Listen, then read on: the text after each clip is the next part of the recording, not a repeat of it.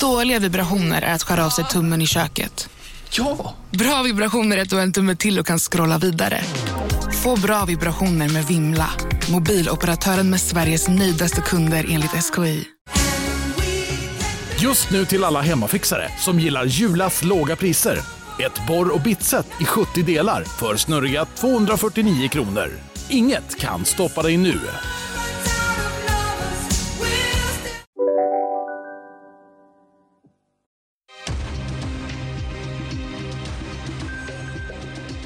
Know for a fact the attack happened on the Togolese national team bus as it was crossing the border from the Democratic Republic of Congo to Angola, to the region in Cabinda, where several matches are taking place and where Togo was facing Ghana on Monday.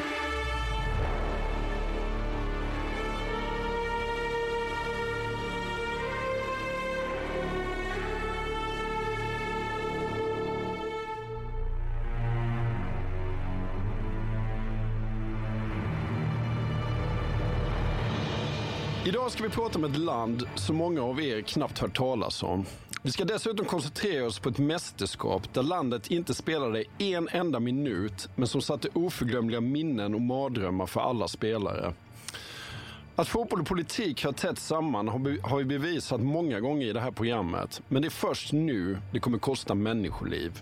Vad ska vi prata om, Erik? Ja, idag ska vi prata om det togolesiska landslag som utsattes för ett terrorattentat i samband med de afrikanska mästerskapen 2010. Och det är exakt tio år som har gått just den här månaden. Och det är väl lite det som föranleder ämnet. Men det är så mycket med den här händelsen och allt som hände både före och efter och runt omkring som någonstans är rätt svårt att ta in och förhålla sig till. Och det jag alltid fastnar vid innan jag ens har hunnit börja fundera igenom hela historien, det är det här med tidsuppfattning och hur olika lång en viss tid kan kännas. Hur lång kan en halvlek kännas i fotboll? Den kan ju kännas evighetslång. Spurs i derbyledning. Känns som att klockan går baklänges hela andra halvlek. Men ta den känslan och den skevheten i tidsuppfattning och så överför du det till en situation där du under en hel halvlek väntar på din egen avrättning, din egen död. När du sett och hört gevären smattra och bara väntar på det sista skottet. Det som kan komma nästa sekund eller nästa minut. Eller aldrig någonsin överhuvudtaget. Men du vet inte. Du ser bara kamrater falla runt omkring dig och du hör gevären fortsätta smattra och du vet inte. Exakt hur länge det här terrorattentatet verkligen pågick, det har ju aldrig riktigt klarlagts och fastslagits. Men det har någonstans blivit den mest etablerade sanningen att det gick 42 minuter från det första till det sista skottet. 42 minuter, det är nästan en hel halvlek. Och vägen till och från den skräcken, den dödsångesten, det är ju vad det här avsnittet ska handla om.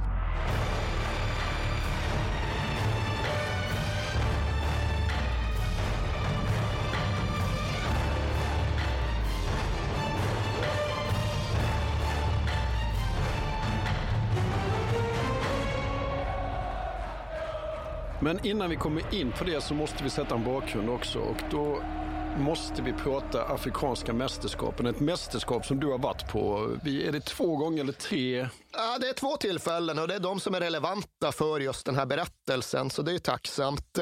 Jag tänkte börja i nordöstra Kairo 2006, alltså 14 år sedan. Och ifall du befinner dig på den egyptiska arméns egen fotbollsarena nära flygplatsen långt ute i nordöstra Kairo och det är sen januarikväll. Då kan du konstatera att det blir kallt som fan i Saharaöknen på natten. Det är riktigt kallt och du sitter där och huttrar och du konstaterar bara där att okej, okay, är det så här det är att se på afrikansk fotboll? Det var inte riktigt vad jag hade föreställt mig. Men den kvällen som jag nu spolar tillbaka till, det var den andra speldagen under mitt första afrikanska mästerskap på plats. Jag hade sett hemmanationen Egypten besegra Libyen med tre bollar kvällen dessförinnan. Men det var liksom något annat. Det var mästerskapspremiären och det var en fullsatt arenan och det var en uppiskad Mido. Det var väldigt mycket av väldigt mycket. Nu var det två matcher på en och samma speldag på en och samma ödsliga arena i en och samma smällkalla öken. Jag satt den där dagen och jag såg först Samuel Eto'o göra hattrick mot Angola och konstaterade att ja, han var ganska dominant i det här sammanhanget, Samuel Eto'o, några få månader innan han skulle vinna Champions League med FC Barcelona. Och därefter satt jag då och såg den demokratiska republiken Kongo besegra Togo med 2-0.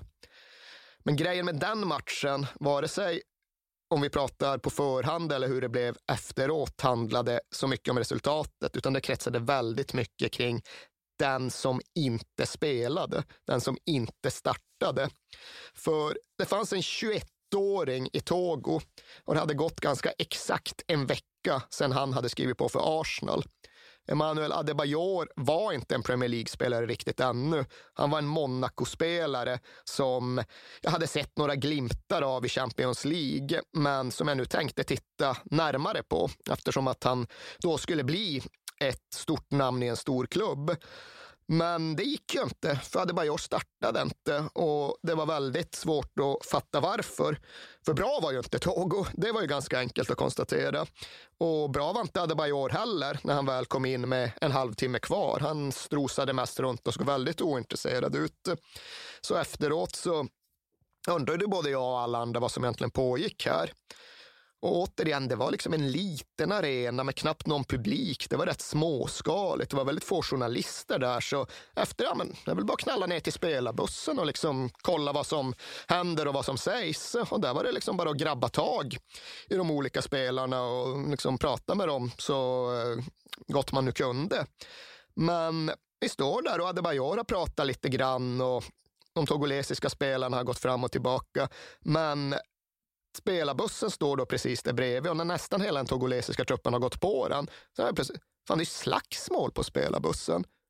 Det är Adebayor och det är ju förbundskaptenen, en nigerian som heter Steven Keshi. Alltså de går mot varandra och de försöker slåss. De blir så här tillbakahållna av spelarna. Men det är ju liksom knuffar, det är liksom nävar i luften och allting bara framför ögonen på journalister vad, va, va händer? Och så kommer Adebayor ut igen och liksom står och börjar vråla om att ah, men det är tränaren, tränaren. Han försöker tjäna pengar på mig. Han sa att om inte han får bli min agent nu när jag ska till Arsenal, då får jag inte spela. Ah, då vägrar jag starta. Och liksom, förbundskaptenen kommer ut. Tro honom inte, tro honom inte. Han försöker ge slut på mig. Han försöker förgöra mig. Och, bara, och är det det här som är de afrikanska mästerskapen? Är det det här som är afrikansk fotboll?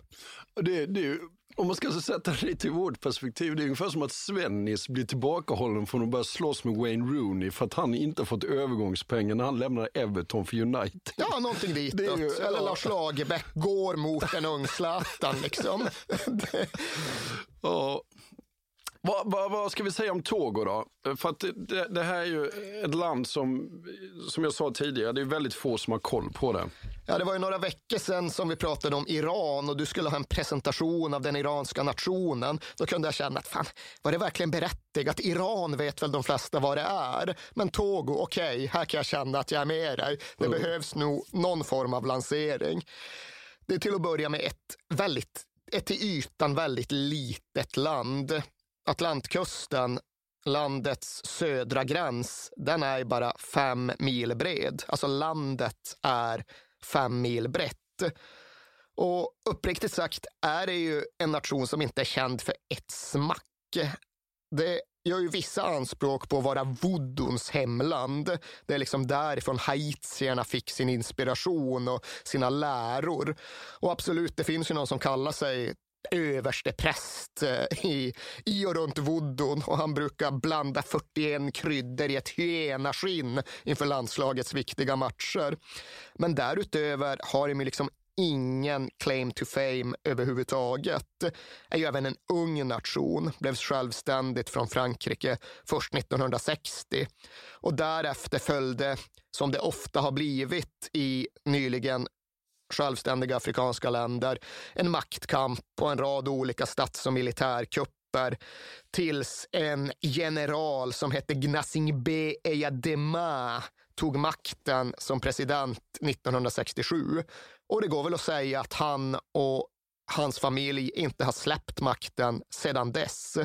Gnasingbe Eyadema själv, han dog efter 38 år på presidenttronen, får vi benämna det som. Eh, men det var ju liksom inte en...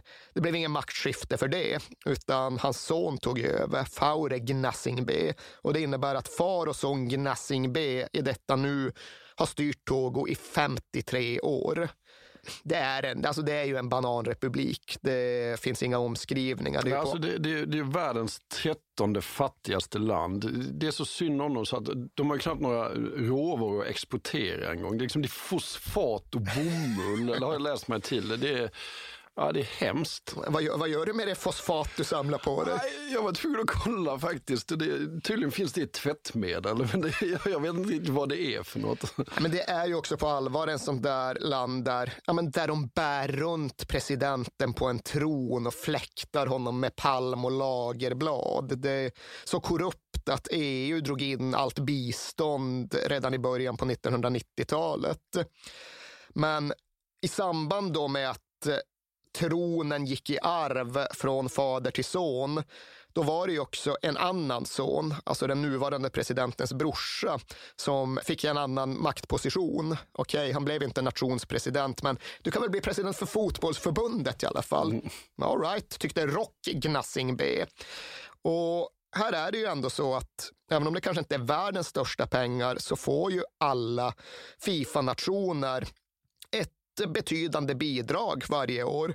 Eh, för 15-20 år sedan, som det handlade om när Rock Gnassing B blev förbundspresident, då var det ett par, tre miljoner kronor som ändå kom in i förbundskassan från Fifa varje år.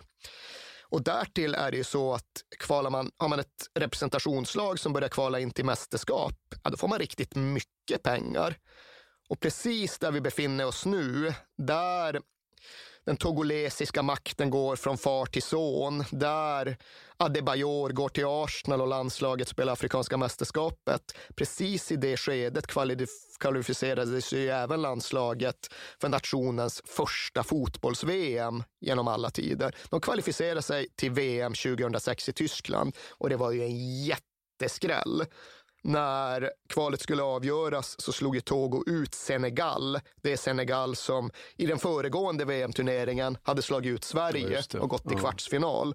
Så det var ju en jätteskalp, det var en jätteskräll, det var en jättegrej för den togolesiska nationen. Det var givetvis så att den sittande presidenten då bara liksom, helgdag, absolut, ingen går till jobbet, alla får pengar, för nu är det Togo-party. Mm. Men när då sen mästerskapsersättningen kom det togolesiska förbundet till god så var det faktiskt så att förbundets kassör tog mod till sig. Det är nästan så att det känns dumdristigt i efterhand att konstatera att han gick ut och skrev ett öppet brev i landets enda fria tidning. Och jag menar att det är helt omöjligt att göra det här jobbet. Det går inte att vara kassör för förbundet eftersom Rocky Gnassing B bara tar alla pengarna och redovisar ingenstans vart de egentligen tar vägen. Det är inte så att klubbarna fick några Fifa-pengar den högsta ligan i Togo är helprofessionell, men de fick varken pengar av Fifa eller någonting från statstelevisionens sändningar. De fick gå runt på biljettintäkter och de är inte jättestora nej, i Togo. Nej. Så snittlönen det var 600 kronor i månaden för en professionell fotbollsspelare i den togolesiska högsta ligan. Och de var ju till och från även med i landslagstruppen. Och jag tror väl att det i grunden är två saker som kan göra människor riktigt jävla giriga.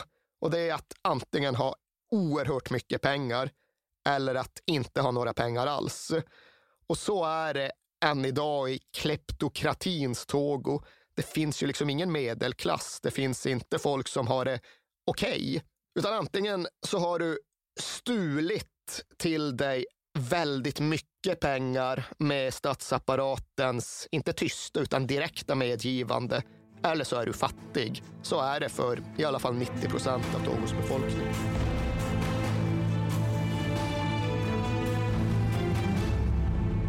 Okej, de har kvalificerat sig både för VM och Afrikanska mästerskapen eh, 2006. Du ska dit till Egypten. Hur ser det ut för Togo? Ja, det ser ju rörigt ut och det är ju här jag börjar titta närmare på det och liksom försöker skaffa mig en förståelse för vad det är för bakgrund som innebär att den största stjärnan och förbundskaptenen ska stå och slåss på en spelarbuss eh, några minuter efter mästerskapspremiären.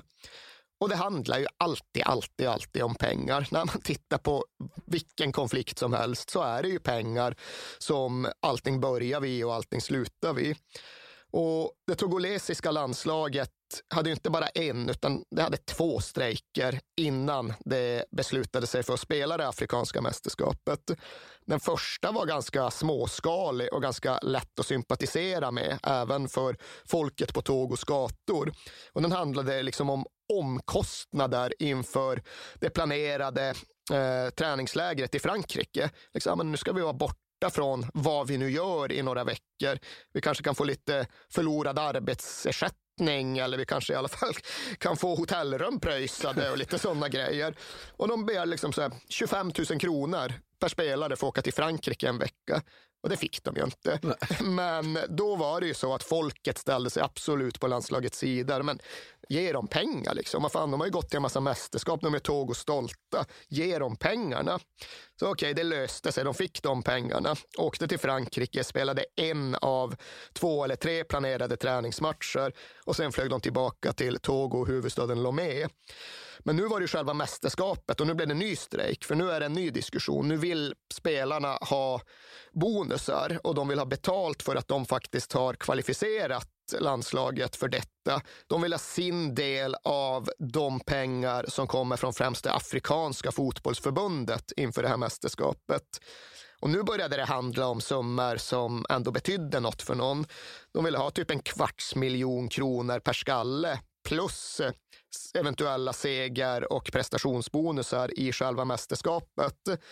Nu blev det lite låst läge. Nu var det inte helt självklart hur det skulle bli. Och det plan de skulle ha tagit till Egypten, det struntade de ju bara i. De bara satt kvar på hotellet. Så det var verkligen så här, men kommer Togo liksom?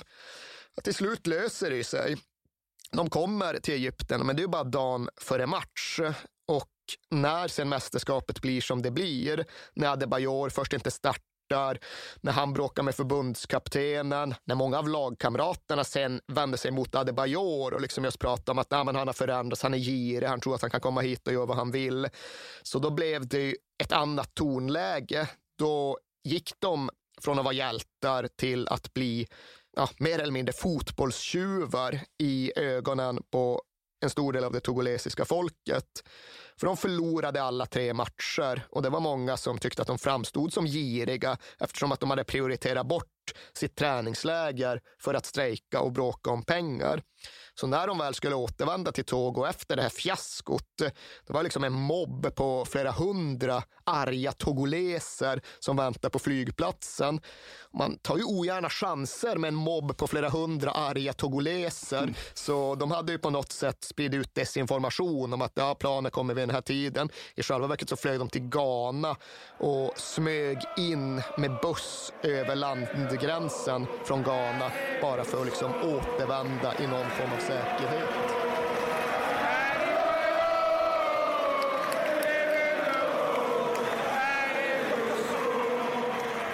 Okej, låt oss då prata eh, om en spelare som, jag vill inte vara vulgär och säga fula ord här, men för att uttrycka det milt så tycker jag han framstår som ett jävla vem ska vi prata om, Erik? Ja, vi ska ju då tydligen gå in på Emanuel Adebayor och det är ju det är inte så att du har unika känslor kring eh, den fotbollsspelaren och den människan. Han har väl gjort sig själv till en av Europas mer impopulära storstjärnor. Får jag bara säga, han förenar väl nästan Arsenals och Tottenhams fans.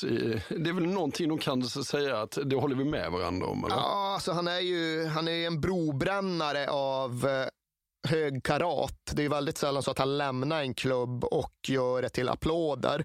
Men jag är rätt säker på att Arsenal faktiskt hatar honom mer än vad Spurs gör. Spurs är förvånansvärt likgiltiga inför Emanuel Adebayors eftermäle. Men annars är det ju i grund och botten så att när han lämnar en klubb så, så ser han till att aldrig kunna återvända till den arena där han har spelat.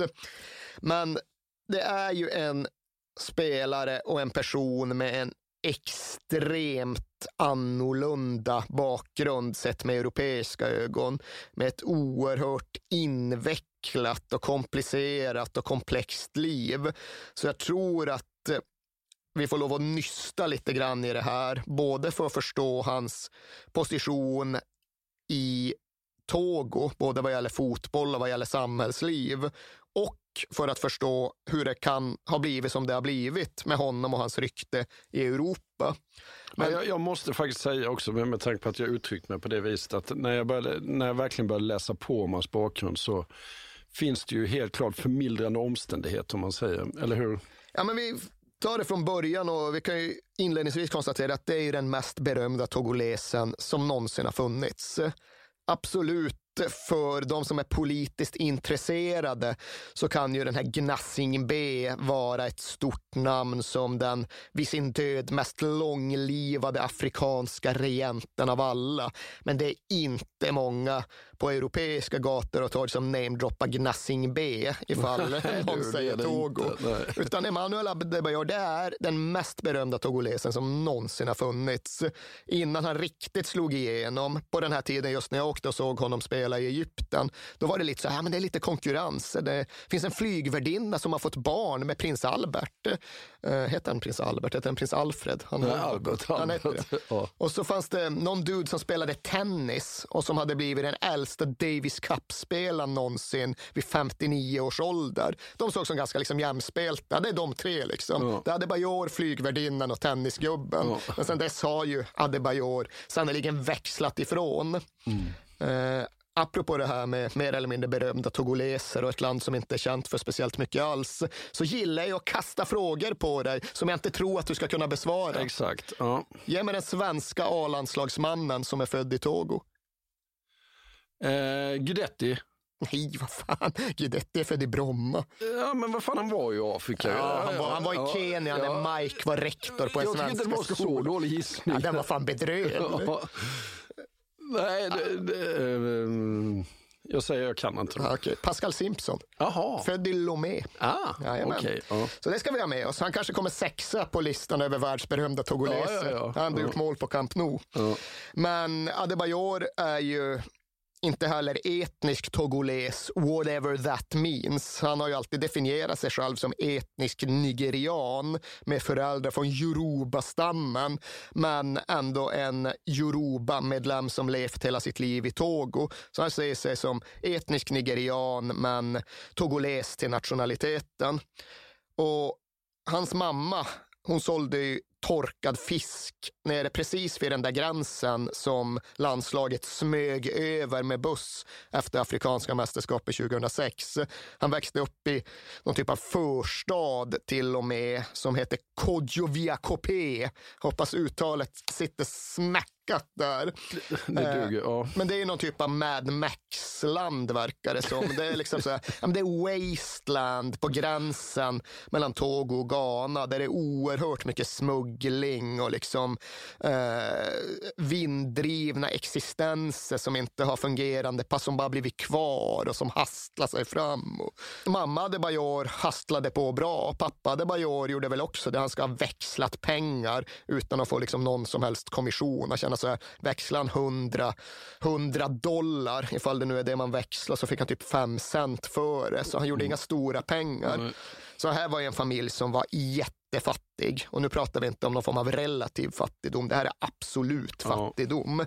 Tio pers i två rum med ett läckande tak som verkligen innebar att de liksom vaknade med vatten i nyllet så fort det regnade ingen elektricitet, ingen fungerande toalett. Men tacksamt nog låg ju det stora havet bara 300 meter bort eller något. Så, liksom så fort Adebayor, Emanuel Adebayor behövde gå på toaletten och göra nummer två, som vi säger, och sprang han ner till stranden och satte sig där och tvättade sig i havet. För det är så man gör. Och det är mm. som en parentes, det som har gjort att Bill Gates typ har identifierat det här med fungerande toaletter kontakter till tredje världen som en av våra absolut största framtidsfrågor. Mm. Men de var ju så fattiga att en gång när Emmanuel Adebayor hade skadat sig som ung, då blev han kvarlämnad på sjukhuset i en hel vecka eftersom att familjen inte hade råd att lösa ut honom. De kunde inte betala för den läkarvården. Så innan de kunde hämta hem honom var de tvungna att skramla i kvarteret i dagarna sju. Så en oerhört fattig familj i liksom mytologiseringen av Emanuel Adebayors bakgrund, en mytologisering som verkligen finns och frodas, där heter det ju att ja, Adebayor, han kunde inte gå fram till det att han var sex år gammal och då togs han till kyrkan för att liksom helas av någon diffus religiös ceremoni där en boll ska ha varit ett centralt element. Eh, och det är väl både sant och osant. Ifall man verkligen kollar på det så var det tydligen så att han var verkligen sen att gå. Men när han var fyra år så slumpade det sig så att han gick för allra första gången i kyrkan. För då var det just en boll som liksom studsade mellan bänkraderna och han blev så sugen på att få tag på bollen så att han tultade, han tultade, han tultade och till slut kunde han gå. Och visst, där fanns det ju en övertydlig symbolik som har kommit att återanvändas väldigt många gånger. Adebayo, bollen fick Adebayor att resa sig, bollen fick Emanuel att gå. Det är så tydligt att det här som skedde i kyrkan, det visar på att fotbollen är det som ska frälsa familjen och det är Emanuel Adebayor som ska göra det. Och det är också så att Sverige faktiskt har en ganska central plats i sagan om Emanuel Adebayors väg framåt. För han hade ju fått börja spela i lite togolesiska representationslag av olika karaktär. Och ett av dem hade fått någon form av stipendium som innebar att de kunde åka till Göteborg och spela Gotia Cup. Och det var ju första gången Emanuel Adebayor satt på ett flygplan eller var i Europa eller var någonstans mm. överhuvudtaget. Men där blev det uppenbart för en kille som hette Francis de Tadeo som rattade akademin i den franska klubben Metz att här fanns det ju en råtalang. Och det här var en kille med bra öga som drev just en framgångsrik akademi. De har fått fram Pires och Luis Saha och Miralem Pjanic och flera spelare.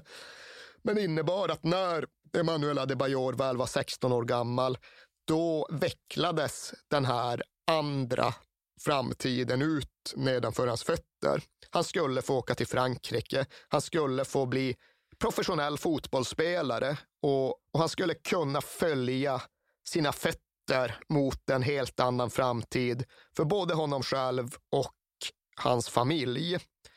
Och det där sistnämnda kommer ju att bli en sak som är extremt central för honom genom hela hans karriär. För han spelar absolut inte bara fotboll för sig själv. När familjen väl vinkar av honom på flygplatsen och när han ska sätta sig för att åka till Frankrike och påbörja sitt nya liv, då står ju verkligen hans mamma och liksom gråtande försöker hamra i sin son vad som gäller. Du vet hur vi lever, du vet hur vi har det, du vet att det inte finns några pengar och ingen framtid ifall inte du lyckas. Du måste lyckas, du måste göra det här och du måste hjälpa oss. Ja, fy fan vad tufft. Alltså, det, ja, det är ju tufft. Ja. Och så kommer man till en främmande kontinent. Fem, sex och, syskon också. Så ja, det, ja, något sånt. Mm. Och han kommer då till en främmande kontinent och liksom Lomé i Togo och lilla Metz i Frankrike. Det är andra grejer och det är inte bara det att det är kallt på vintern. Det är en jättelik omställning såklart, på alla sätt och vis. Utanför planen, på planen. Och det går väl sådär för honom i början. Det är en kille med väldigt mycket att lära och det är en kille egentligen helt utan skolning. Och det är långt ifrån självklart att det här kommer bli bra och det här kommer bli en välbetald elitspelare. Utan det står och väger. Ibland så går det okej, okay, andra veckor så går det riktigt dåligt och han får inte spela i liksom juniorlaget i Mets. Och samtidigt så är det ju en fritid som egentligen enbart består av att kommunicera med familjen hemma i Togo för att de vill ha pengar.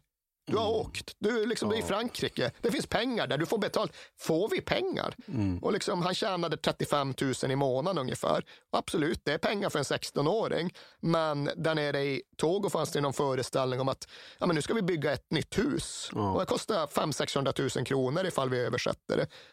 Emanuel Adebayor hade inte de pengarna, han hade ingen möjlighet att skicka hem dem. Men hans familj förväntade sig verkligen det. De förutsatte att nu är det nu är det ett helt annat liv. För nu är han i Europa, nu fixar han det åt oss. Och som sagt 16 år gammal. Han har ju berättat väldigt många saker med liksom väldigt stort eftertryck genom åren. Men det var ju en av de första sakerna han sa offentligt som fick en att börja förstå lite grann om vart han egentligen kom ifrån. Han pallar inte det här. Han orkade inte med det. Han kände att jag kommer aldrig kunna ge min familj det de tror att de kan få av mig. För så lätt går inte det. Det är svårt att spela ja. fotboll i Frankrike. Jag vet inte om jag klarar det.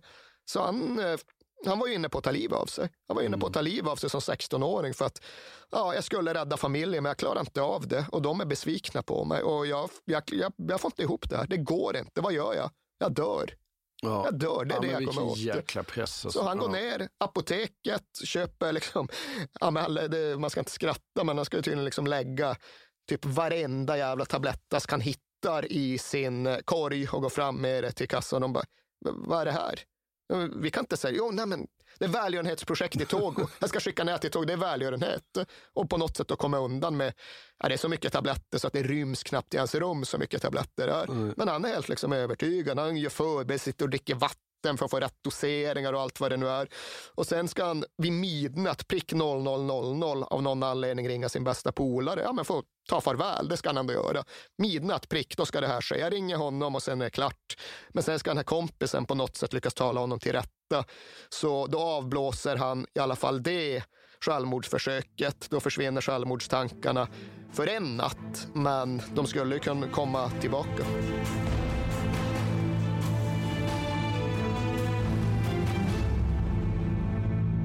Okej, okay, tillbaka till 2006. De har gjort ett fiaskomästerskap eh, i Afrikanska mästerskapen, men eh, bara några månader senare så är det ju dags för VM i Tyskland. Då, då kanske de har lärt sig någonting, eller?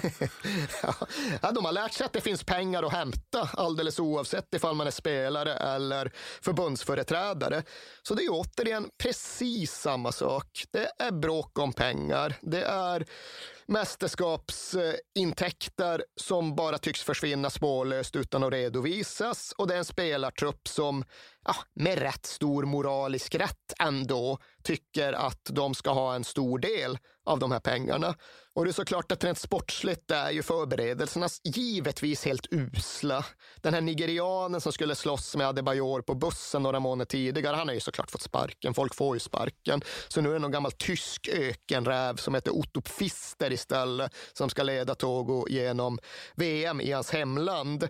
Men han säger upp sig tre dagar före premiären för han tycker det går inte att jobba här. Liksom alla bara bråkar om pengar. Hur ska jag kunna, kommer bara skämma ut sig. Så han borta. Sen för, samma morgon som det är dags för, ja men då är han tillbaka liksom. Ja. Då har något löst sig någonstans, någon har fått några pengar. Så ja, okej, okay, då är han med och så ska han köra. Och de har ju en VM-premiär som hade kunnat bli historisk, för de tar ju ledningen mot Sydkorea. Oh, there's an opening here. Kader! Goal to celebrates.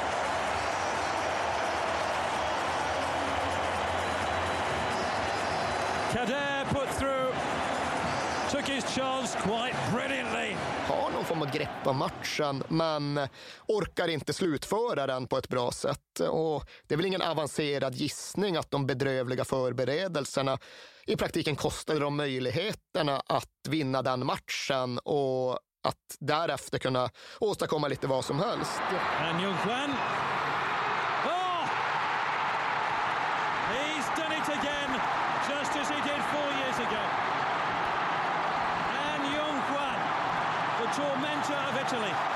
Men nu blev det premiärförlust och en situation som bara skenade iväg i ett ännu mer infekterat bråkande om ännu större pengar. För inför den andra matchen mot Schweiz, ja, då bestämmer sig återigen spelargruppen för att nej men faktiskt, vi får inga pengar, vi spelar inte. Ja, vi spelar inte, vi strejkar. Och det blev ju inte samma typ av global uppmärksamhet som när till exempel det franska landslaget fick för sig att vägra träna i samband med VM 2010. Utan här var det ett landslag som verkligen sa, men vi tänker inte spela, det blir ingen match. De här tv-sändningarna som ni ska skicka ut över hela världen, ja men glöm dem, för vi tänker inte spela.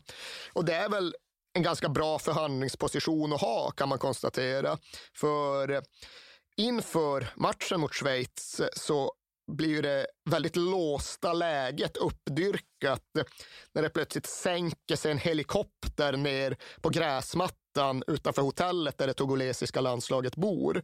Och ur den helikoptern så kliver ju tre gubbar ner, mörka kostymer, solglasögon, två med kalasjnikovs, en med en sån här silvrig metallväska med en handklovslänk kedjad mellan eh, sin egen handled och väskan. De går in i ett rum, kallar dit sig hela spelartruppen, låser upp väskan, räknar upp 100 000 euro per spelare med en så här sedelmaskin. Så här brrr. ska tydligen vara, varje bunt är så här 15 centimeter tjock med eurosedlar. Det låter ju som en väldigt på uppladdning för Schweiz-matchen. Ja, nej, det är inte så att de vinner Schweiz-matchen. det är liksom, också för de här spelarna, de får som sagt en 15 centimeter tjock sedelbunt. De, vad fan ska jag göra med den? Liksom? Ska jag lägga den under kudden på hotellrummet? Så flera av spelarna tar ju med sig sedlarna i sina matchväskor. Vissa spelare de har med sig matchväskorna och då i förlängningen pengarna ut på planen under uppvärmningen för de är så jävla rädda för att deras pengar ska försvinna.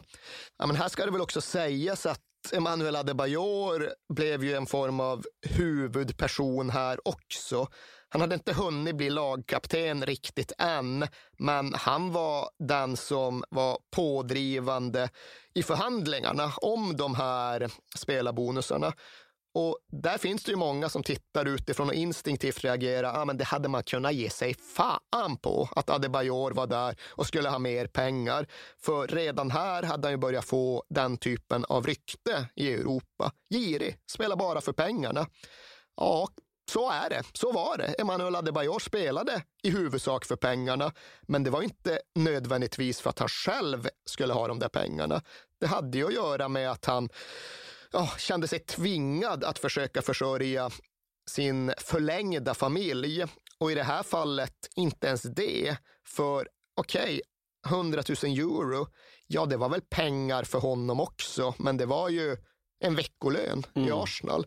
Här var det verkligen så att Emmanuel Adebayor tog striden, var beredd att offra möjligheten att skina på VM-scenen för sina lagkamrater. Mm. Och det har i alla fall de själva ofta upprepat att vi var jättetacksamma mot Emanuel Adebayor här. För som sagt, för honom är det inga pengar. Nej. För oss är det oerhört mycket mm. pengar. Mm.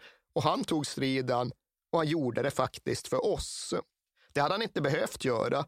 Men under egentligen hela sin landslagstid med Togo, i alla fall efter att den här första svallvågan efter Arsenal-flytten hade lagt sig, så har Emmanuel Adebayor inte bara varit anfallare, inte bara varit lagkapten med tiden, utan även organisatör och finansiär.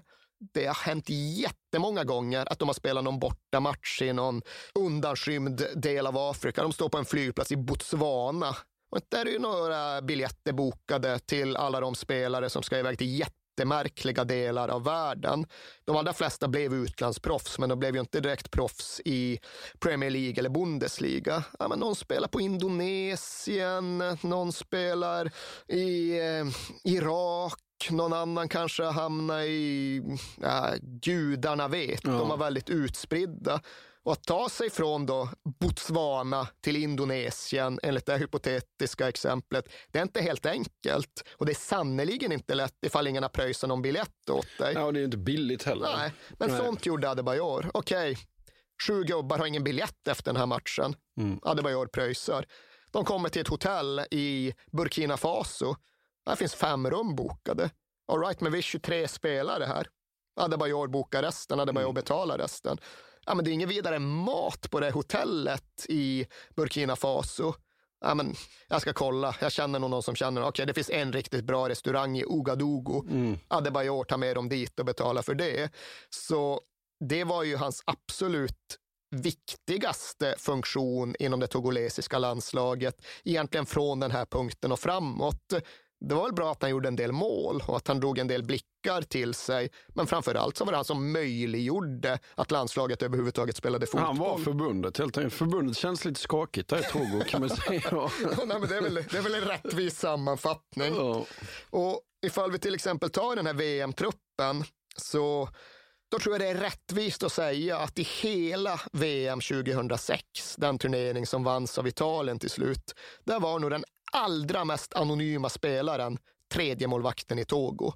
Det var fan inte många som hade koll på tredje målvakten i den togolesiska truppen. Och han var dessutom den enda spelaren i den VM-truppen som inte hade hunnit bli proffs i Kirgizistan eller i Vietnam eller i någon annan avlägsen liga, utan han var kvar hemma i den togolesiska ligan. Och när han skulle åka hem efter turneringen så var han fortfarande livrädd för att bli av med sin 1500, 15 centimeters bunt med eurosedlar. Ja, fasen det. Ja. Ja, Okej, okay, nu ska jag tillbaka till tåg och hur Ja, men då har ju såklart Adebayor någon jävligt säker väska. Jag vet inte exakt vad hans säkra väska egentligen har för o, ointränglighet, men han var i alla fall trygg med att ge sin bunt till Adebayor för att forsla hem till Togo. Och dagen efter hemkomsten så kunde han då dra iväg till Adebayors palats för att kvittera ut sin 15 centimeters bunt. Och den här killen, eh, den mest anonyma spelaren i det mest anonyma laget från den togolesiska ligan där snittlönen ligger på 600 kronor i månaden. Han heter då Kodjovi Obilale och det kan vara dags för oss att introducera honom i den här historien.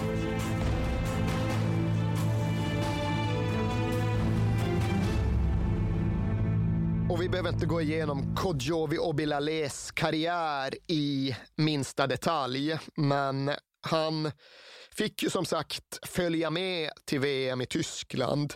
Bara det innebar att hans status höjdes på ett sätt som gjorde att han också fick bli utlandsproffs. Men även här är det ju inte direkt Real Madrid som ringer. Nej. Utan han får ett kontrakt med en klubb i den franska fjärde divisionen. Han får en lön på 1000 euro i månaden, alltså ja, sådär 10 000 kronor. Och det var ju ett jättelyft för honom, men det är ju ändå ganska svårt att bygga liv utifrån.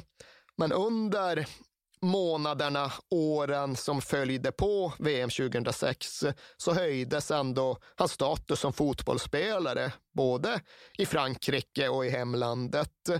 Och när vi börjar närma oss nästa afrikanska mästerskap, det som då arrangeras 2010 i Angola, då är då Bilalé väldigt nära en position som första målvakt.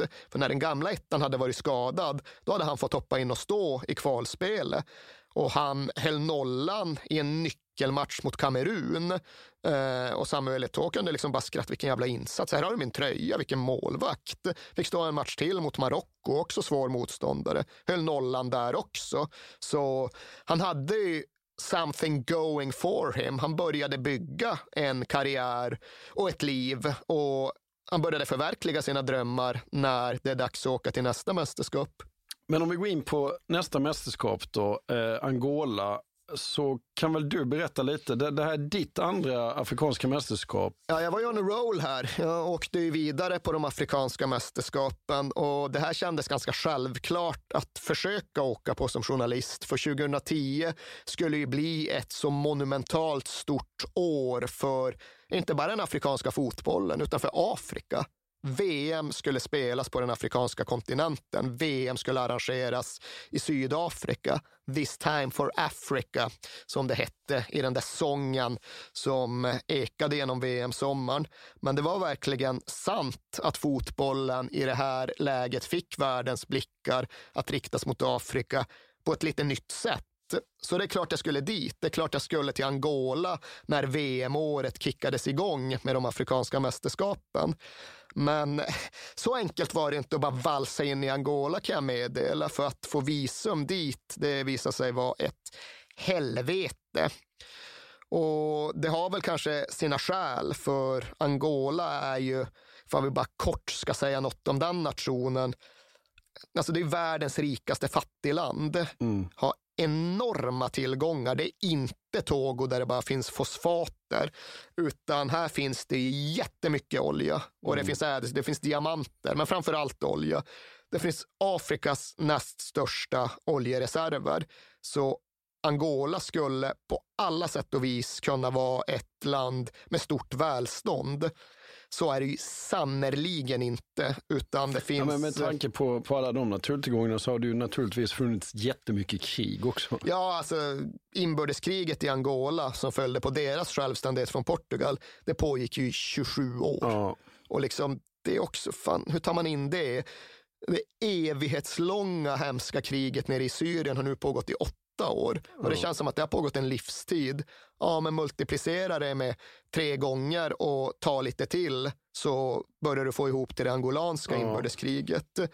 Så fortfarande 2010 var det ju väldigt krigshärjat. Det tog ju slut 2002, 2003 någonting. Ja. Och det var inte så att de hade rensat upp alla minor ur jorden när det var dags för det här mästerskapet.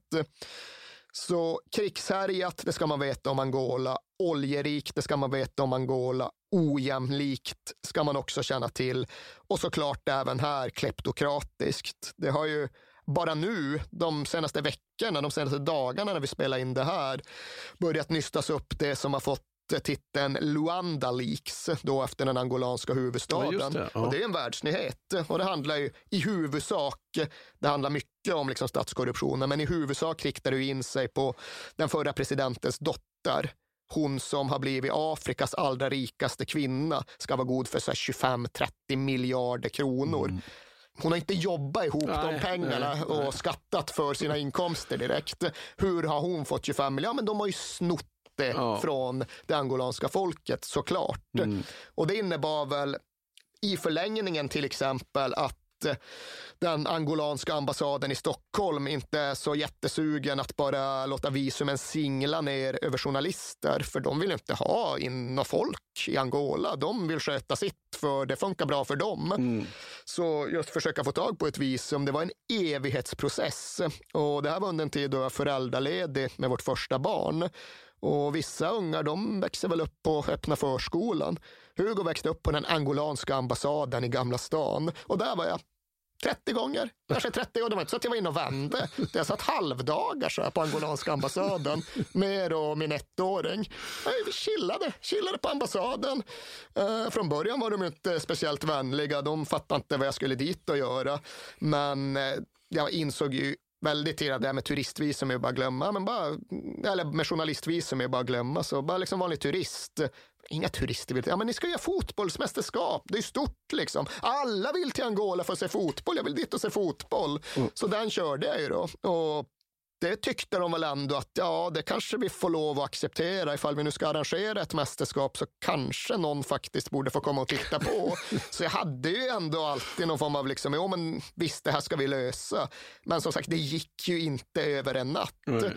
Det var ett mästerskap som skulle vara utspritt över landet och jag fattade inte vad de där spelorterna egentligen innehöll för verklighet. Så jag försökte liksom, jag ville åka runt lite grann. Mm. När man ändå i Angola så vill man ju glida omkring. Men till att börja med så fanns det inga vägar och de som fanns var ju sönderbombade och eh, minerna låg ju kvar över hela den. Nej, men alltså, du kan inte, det går inte att ta sig landvägen någonstans. Nej, men all right, jag flyger väl det gick inte. Det var fysiskt praktiskt på alla sätt omöjligt att boka angolanskt inrikesflyg från Europa. För alla bolag var ju dundersvartlistade av EU.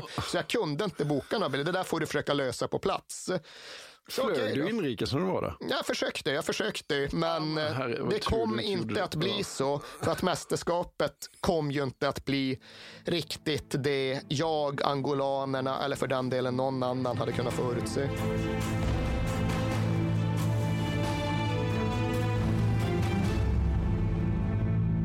Jag vill inleda med att säga att det är garanterad jackpot på 13 miljoner på Stryktipset. Och fy fasen. Ja, visst. Skulle du behöva 13 miljoner eller? Ja, det skulle jag verkligen. Men vi måste säga först att vi är ju sponsrade av Stryktipset. Ett spel från Svenska Spel, Sport och Casino för dig över 18 år. Yes, och stödlinjen.se finns där för dig om du har problem med ditt spelande. Nej, men 13 miljoner jackpot på Stryktipset, det är ju inte fel. Nej, då är det faktiskt dags att ladda en rejäl rad här känns det som. Mhm. Vet du vad som inte heller är fel? Nej, Födelsedagsfirandet och alla härliga Mm. historier vi får in. exakt. Mm. För vi är ju mitt inne i Stryktipsets 90-årsfirande som vi firar med att läsa upp fantastiska historier från våra lyssnare. Yes. Som skickar in dem till kings at perfectdaymedia.se. Precis, bomba på nu. Det är åtta månader kvar på det här firandet, så att, eh, vi kör nu. Mycket Stryktipshistorier vill vi ha. Mm. Och i dagens har vi fått från Peter som skriver så här. Hej på er och tack för en helt otrolig podcast. Den har räddat mina veckor i snart fyra år. Tack så mycket Peter. Min historia är ganska färsk, men den om när det vänder på stopptid gav kanske inte de största pengarna, men känslan i mig består. Jag spelar ofta för lite mindre pengar på Stryket, följer fotbollen men är långt ifrån en nörd. Och allt såg väldigt bra ut senast, förutom på min etta på Manchester United mot Brentford. Var ändå väldigt, eh, var ändå väldigt nöjd med hur resten satt. Men på stopptid satte min nya favoritspelare, skotten McTominay, två mål och vändningen fullbordades. 64 rader blev 12 000 kronor. Tack för en bra Det är podd. otroligt. Ja. Och tack för en bra historia Peter. Ja, och som man älskar Scott McTominay. Gör man inte det? Ja, det, det gör man faktiskt. Han liksom kommer in i straffområdet jävligt bra faktiskt. Mm. Vi säger stort tack till våra vänner på Stryktipset. Tack.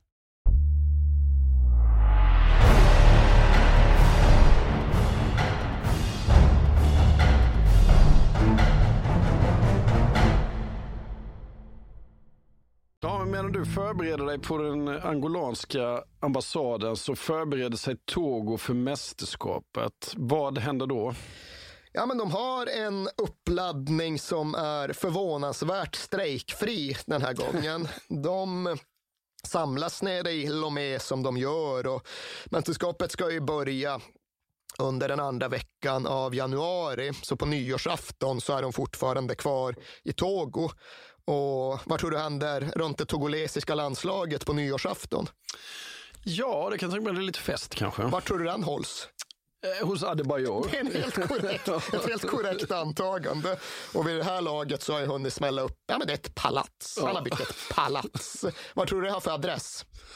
Det vet jag faktiskt inte. Nej, men liksom så här, liksom, ja, men palats och gods och sånt, det har ju liksom inga gatunummer utan det heter ju vad själva fastigheten är döpt till. Så här, Sjösala slott eller Harpsund eller vad Södertälje nu heter i Sverige. I Angola heter Adebayors palats bara hans initialer SEA. Det är adressen. Det, det är så det heter. Man åker till SEA.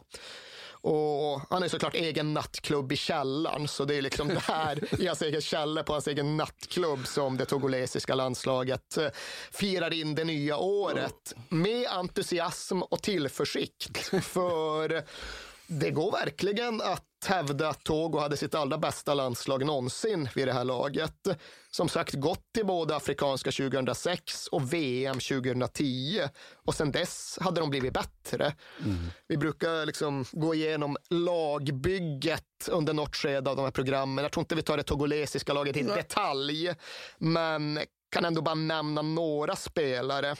Ja, men de har ändå bröderna Aité som båda har börjat slå igenom i den franska högsta ligan. De har Mustafa Salifou som tillhör Aston Villa, Serge Gakpé som spelar för Monaco, Alaix Romao och Thomas Dosevi som också har gjort avtryck i bra klubbar i den franska högsta ligan.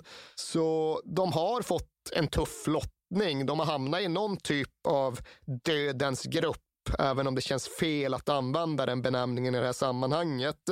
Men de är medvetna om att de kommer behöva slå ut antingen storebrodern Ghana eller Didier Drogbas Elfenbenskusten för att nå kvartsfinal. Men det var målet och det var realistiskt. Och det var som sagt återigen ovanligt harmoniskt. De drog iväg på sitt förläger i Pointe Noire, alltså den andra staden i Kongo-Brazzaville och liksom laddade upp med både gott humör och goda träningsförutsättningar.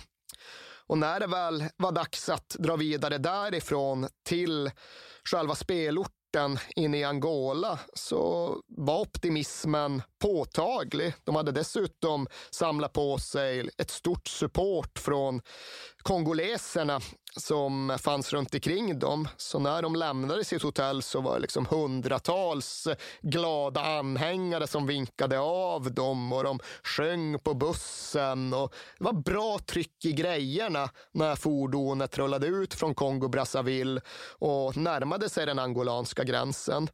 Eh, och där började de väl lite fundera vad det egentligen var som pågick. För gräns, Varför, varför är det så stort militärt pådrag? Står massa, liksom, det som de uppfattar som elitsoldater med ganska tung beväpning och så tjocka maskeringshuvor trots att det är 35 grader varmt. Liksom, vad handlar det här om? Ja, för att deras första match eh, ska de spela i enklaven Kabinda och där måste vi stanna lite. Vad, vad Kabinda, vad är Kabinda, Erik? Ja, det, det, är en berättigad fråga. Ja. Det var en av de saker som jag fick lov att lära mig i anslutning till det här mästerskapet. Och det är ju just att ja, det finns en enklav, ett territorium en region som formellt sett är del av Angola, men som i väldigt hög utsträckning vill slippa vara det. Och I Afrika är det mer eller mindre så att all skit går tillbaka till den europeiska kolonialismen och så är det ju med det här också. Att eh, den här regionen som då heter Cabinda, det lät Portugal Portugal införliva i Angola på det sena 1950-talet. Och när sen Angola ändå fick sin självständighet från Portugal så cementerades ändå det i liksom, friskrivningsförhandlingarna. Att ja, men okej, nu gör vi så här, kommer vi överens om detta, nu gäller alla de här grejerna. Och ja, absolut, det kan bli, oj, ja, men kör, ni får det också, det är bara att ta det, det är angolanskt nu. Men Huvuddelen av invånarna i Kabinda tillhör då Bakongo-folket. Mm. Och som namnet antyder så eh, finns det här ett eh, släktskap med Kongo, med kongoleserna. Mm. I grund och botten så är ju då Kabinda inskjutet mellan Kongo-Brazzaville och Kongo-Kinshasa. Alltså det ligger mitt mellan två Kongo. Ja, för det, det, det, ser ut som en liten punkt som ligger, det, det har ingen gräns till Angola. Nej, utan det, det är liksom bara en liten punkt eh, med en liten havsremsa. Ja, och liksom vi är nog inte män att sitta och gå väldigt djupt tillbaka i den prekoloniala historien för att eh, försöka särskilja den ena, det ena stamfolket från det andra och på så sätt ha några åsikter om vad som är territoriellt rätt eller fel i den här delen av Afrika. Men det finns ju absolut någonting som känns ologiskt med det faktum att här finns det ett stycke Kongo som då har tilldelats Angola. Och det är väl en någon form av grundförutsats som jag tror till exempel att Fläck håller med oss om. Mm. Och Fläck är ju då inte Robert Fläck, den gamla Norwich-anfallaren, utan här är det FLEC, förkortningen som står för Frente para de Libertasaudo Enclave de Cabinda. Alltså enklaven Cabindas frihetsrörelse. Mm.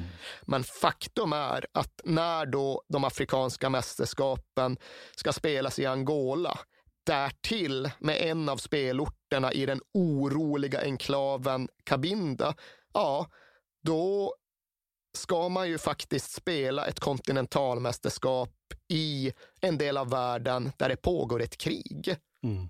Det är ett lågintensivt krig, det är ett asymmetriskt krig, det är ett gerillakrig när den togolesiska truppens spelarbuss bromsar in vid gränsen till Angola, gränsen till Cabinda och konstaterar att oj, här var det mycket militär närvaro, så beror det på att de ska åka in i ett krigsområde.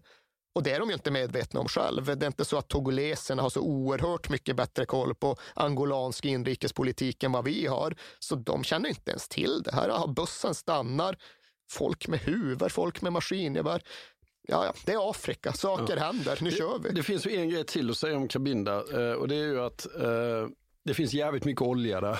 Det, så är det. Och det ska poängteras. Det är klart att viljan att dra i en annars ganska obetydlig och bortglömd del av världen, den ökar ju som konsekvens av att det mycket riktigt finns stora oljefält utanför kusten. Ja. They can see the oil platforms. Their beaches are black with pollution. They say they're seeing none of the profits. This is the fence that surrounds Malonga, which is the heart of Angola's oil industry. It's a huge area that is completely off limits to anybody who isn't in the oil industry. The whole of the Malonga complex is surrounded with a minefield.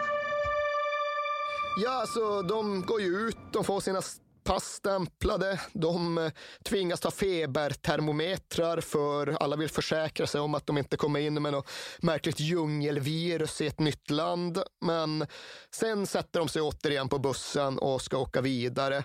Och precis som du säger, ja, de är lite konfunderade. Men det är nästan så att de tycker det är lite anmärkningsvärt och jag ska inte säga spännande, men notabelt att de plötsligt får då en tungt beväpnad militär eskort Jaha, men det är väl för att vi är sådana superstjärnor. Liksom. Hoj, här kommer tåg och Adebayor är på bussen. Kolla, det är inte så att vi får poliseskort. Vi får tungt beväpnad militäreskort. Och Kodjovi Obilale, den här målvakten som vi har pratat en del om, han tillhör ju de som tycker att men fan, det här ska vi väl ändå komma ihåg. Det är värt att minnas, det är värt att dokumentera, det är värt att skicka till min familj. Så han förhandlar med sin stolsgranne, en anfallare som heter Liabe Kapatumbi, om att byta plats. För han vill sitta med fönstret, för han vill filma eh, den här militära eskorten. Liksom, vilken grej, det vill jag komma ihåg och det vill jag liksom skicka till min partner och mina barn hemma i Frankrike där han numera bor. Så all right, han gör det, han filmar, han skickar det till sin franska partner och ringer även dit och liksom, ja, men bara stämmer av, hur är läget? Han har ju skrivit memoarer om allt som hände runt det här och det går ju in i så pass stor detalj att han liksom betygsätter det som ah, Samtalet var sådär. Det var inte mitt bästa samtal med min partner. Inte mitt sämsta heller. Men det var okej. Okay. Två plus. Ja, två plus. Ja, de åker en bit, inte så långt. Man har konstaterat att okay, Cabinda som det tydligen heter, verkar mest bara vara djungel här. Och man ser ju inte långt från vägen för liksom, träden och löven och grönskan, den kommer ganska nära inpå. Men helt plötsligt så händer det ju någonting. Det händer ju saker som förändrar livet dramatiskt för alla som är med. Vissa mer än andra. Och för vissa tar ju till och med livets slut. Men ur den här djungeln så kommer det ju plötsligt gevärskulor, skott. Det börjar smattra och det är det där skarpa ljudet och plötsligt känner bara Kodjovi och Biblale som någon elchock, stark elchock i ryggslutet har han beskrivit det som. Och fönsterrutorna börjar krossas på bussen och han liksom sitter som fastfrusen på sin stol vid fönstret. Han kan inte ta sig därifrån trots att han försöker. Och han fattar ju liksom inte vad som händer. Men den här killen som han bytte plats med, den här anfallaren som heter Liabeke Patumbi, han är tydligen även utbildad soldat. För man blir inte jätterik på att enbart spela fotboll i Togo. Och han förstår tydligen vad som händer. Så han kastar sig över Obilale, drar ner honom på golvet, sätter honom i någon form av beskydd. Men bussen hoppar ju fram sig sådär 100 meter innan den stannar helt. Och när de tittar framåt för att försöka ta reda på liksom, vad är det som är, då ser de chauffören ligga framstupa ner mot vindrutan och helt blodig i ansiktet. Och i gången på bussen så ligger fler personer och är helt blodiga. Och här någonstans börjar väl Obilale och flera av de andra inse vad det faktiskt är som händer.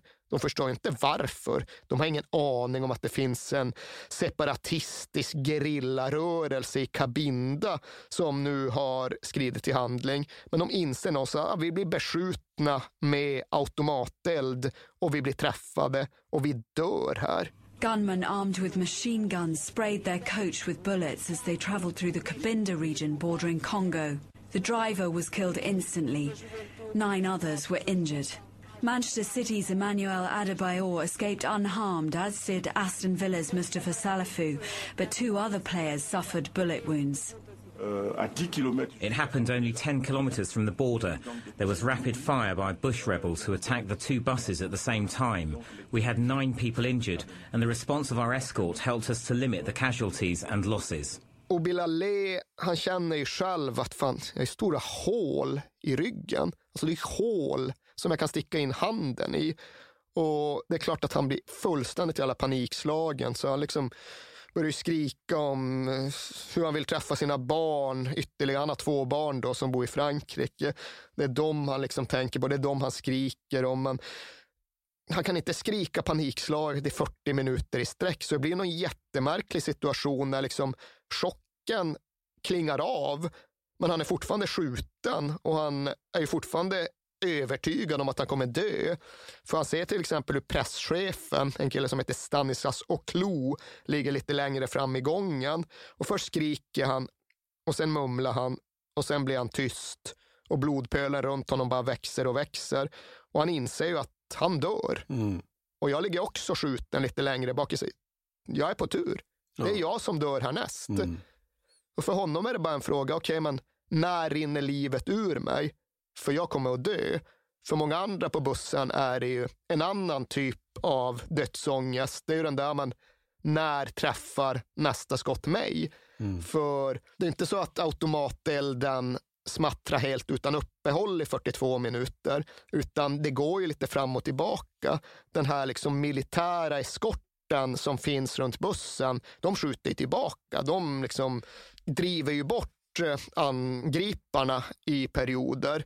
Men sen kommer det tillbaka, sen börjar det smattra från någon annan del av djungeln och sen är det nya skrik och nya rutor som krossas. Och jag tror att många har pratat om hur liksom det var det värsta.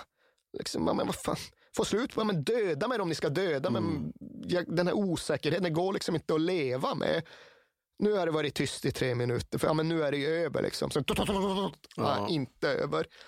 Och Emanuel Adebayor, han befinner sig också på den där bussen och han inser ju någonstans att om någon är en måltavla här så är det jag som är en måltavla. Mm. För det är mitt namn och det är mitt utseende som i någon mån är välbekant.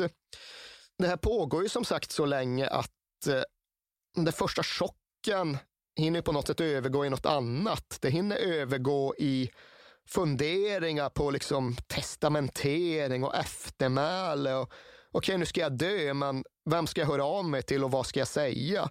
Telefonen, de har ju telefoner, telefonerna funkar ja. ju. Så folk börjar ju ringa till sina anhöriga. Och Emanuel Adebayors flickvän är höggravid under den här tiden.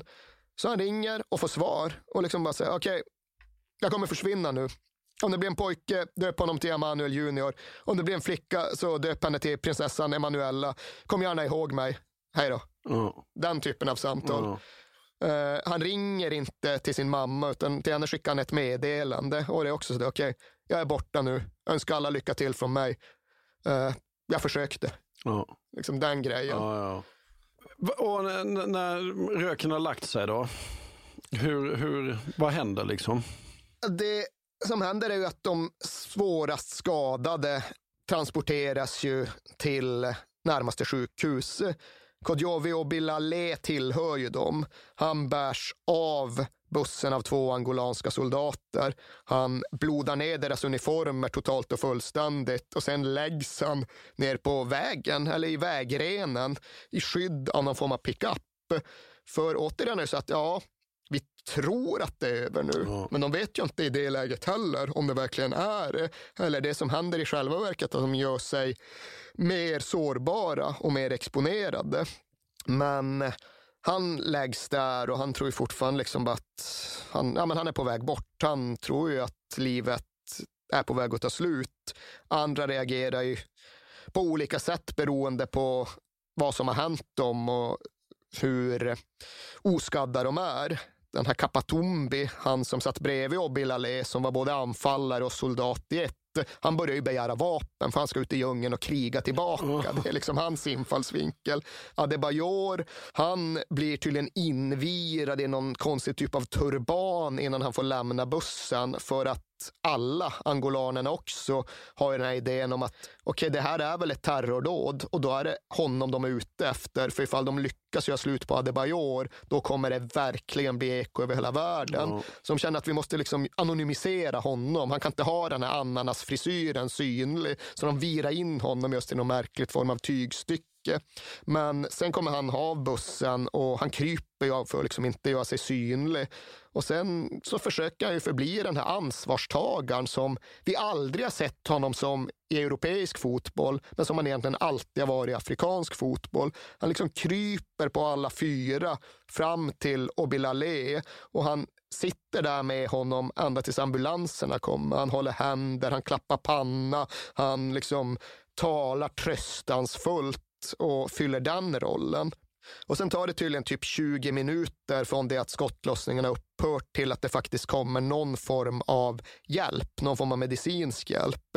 Men då är det fortfarande bara liksom en minibuss, det är inte så att det är någon ambulans, utan de får mm. hiva in Obilale på golvet och han får dela minibuss med dels målvaktstränaren som är skjuten i knät och dels en spelare, en ganska framstående spelare som heter Serge Akapo som har fått någon typ av splitterskador. Så de skumpar runt på de här håliga vägarna och det är smärtsamt så inåt helvete såklart för de skottskadade att de hoppar fram på mm. vägen. Men efter ett tag så kan de byta till någon form av Röda korsfordon mellanlanda på det lokala angolanska sjukhuset innan Obilale sen flygs vidare omedelbart från Angola ner till Johannesburg i Sydafrika. För det är bara där, inom någon form av räckhåll, som det finns kompetensen som krävs för att vårda honom ordentligt. Om vi summerar, hur, hur eh, alltså döda och skadade? Tre döda och de var då den assisterande tränaren Amelete Abalo, presschefen Stanislas Oklo samt då busschauffören Mario Adjua. Och därtill ytterligare tio mer eller mindre svårt skadade. Där då målvakten Kodjovi Obilale var den med allra svårast skador med livshotande skador med skador som faktiskt var så allvarliga att han officiellt dödförklarades. Mm. För ja, Det var inte så att all information som spreds runt den här händelsen var solid och korrekt, utan det var jätteoklart vad som hade hänt för alla under ganska lång tid. Och Det innebär ju bland annat att när Kodjovi Bilale kommer fram till sjukhuset i Johannesburg, alltså har flugit över en femtedels kontinent och det har gått ett halvt dygn, så kom han för första gången i position att försöka höra av sig till någon anhörig. Och då ska han först försöka då ringa sin partner uppe i Frankrike men han kan inte komma ihåg numret. Han kommer inte ihåg telefonnumret utan till så han lyckas inte göra det.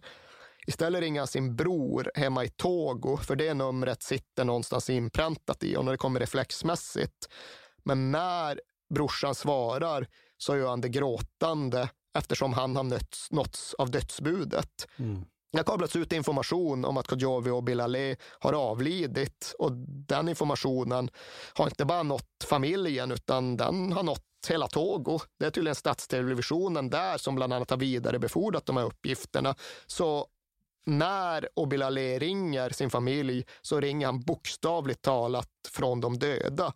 De var liksom mitt uppe i någon sorts begravningsceremoni där inte bara grannskapet hade samlats utan liksom flera profiler från värld. En kille som heter Kader Touré som gjorde det enda målet när Togo spelade VM 2006. Då. Han hade redan hunnit dit. Mm. Så det var liksom mitt under sorgemässan som eh, han faktiskt ringer och meddelar att han lever. Men därefter följer fem dygn där Kadjovi och Bilale försätts i någon form av artificiell koma av då det väldigt högutvecklade sjukhuset i Johannesburg. För det är verkligen liksom specialisternas specialister. Mm. Ett av Afrikas allra mest utvecklade och välutrustade sjukhus han kommer till. Um, Mr. Obilale was um, taken to theater last night. The operation went smoothly. Uh, he was, after that he was taken to our trauma ICU where he's still ventilated. His condition is stable. Uh, we believe that he will be he will do well. but it's too early right now to come to a definitive conclusion. This gentleman was hit by an assault rifle bullet which carries a lot of energy so that when the bullet hits an individual, not only is there the bullet, but there is a shockwave associated with it. It's therefore far too early to be able to assess the extent of any damage, and time will tell as he recovers.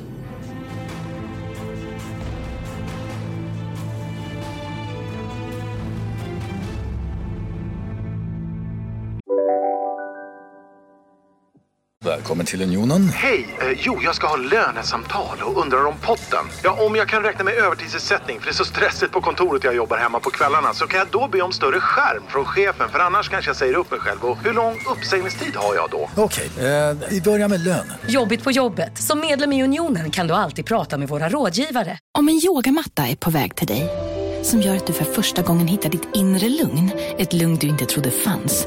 Som gör att du blir en trevligare partner, en bättre bilförare, en bättre kock. Du blir befordrad på jobbet men tackar nej. För att du inte längre drivs av prestation utan vill göra saker som känns meningsfulla i livet. Och, ja, eller ja, då finns det flera smarta sätt att beställa hem din yogamatta på. Som till våra paketboxar placerade på en plats nära dig och tillgängliga dygnet runt. Hälsningar Postnord. På Sveriges största jackpot-kasino går hypermiljonen på högvarv. Från Malmö i söder till Kiruna i norr har hypermiljonen genererat över 130 miljoner exklusivt till våra spelare. Välkommen in till Sveriges största jackpot-kasino, hyper.com. 18 plus, regler och villkor gäller.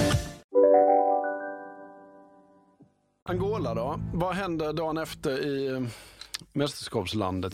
Ja, alltså det där är ju väldigt speciellt även för mig personligen. Jag har inte varit inblandad i något skottdrama så det är klart att mina erfarenheter inte riktigt eh, kan mäta sig. Men varje gång jag liksom ombeds berätta om min mest speciella fotbollsresa eller något ditåt så är det ju ofta här jag hamnar.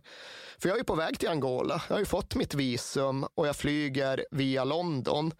Så jag sitter på Heathrow och ska precis borda planet när de allra första uppgifterna om skottlossning i Angola når mig.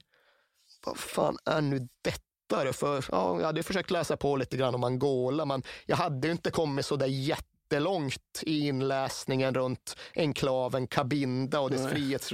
Så jag liksom fattar bara, och då skjuter på Togos buss med maskingevär va, vad, händer?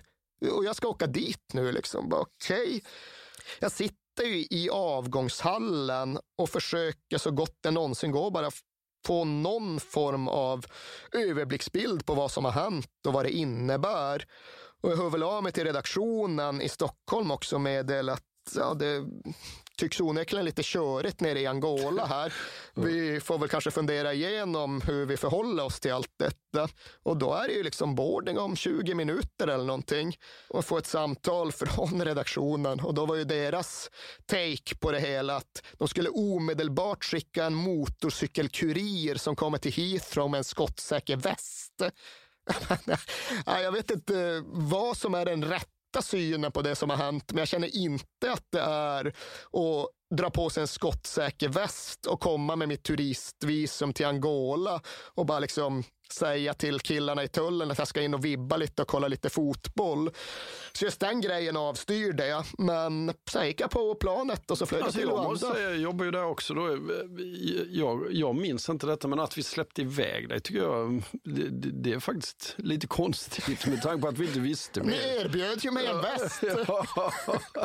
jag tror inte västen hade hunnit fram, men det må vara en annan historia. Ja. Men det var, det var den redaktionella input jag ja. fick på resan. Att det fanns en skottsäker väst där om jag ville ha den. Ja, det var ju bra det i varje fall. Men eh, vad hände sen då? I... Ja, men jag anlände ju till Angola och återigen, jag var ju tvungen att förhålla mig till dels det som hade hänt och dels att destinationen i sig var så oerhört skruvad. För Luanda, då, den angolanska huvudstaden, den består av ett litet, litet centrum. Det kanske är en gånger två kilometer stort nere vid vattnet. Och den lilla rektangeln, det är världens dyraste plats. Mm. Eller det var i alla fall det då, nu vet Ja, jag inte jag ifall något har hänt. Men då var det ja. världens dyraste plats. En pizza där, 400 spänn.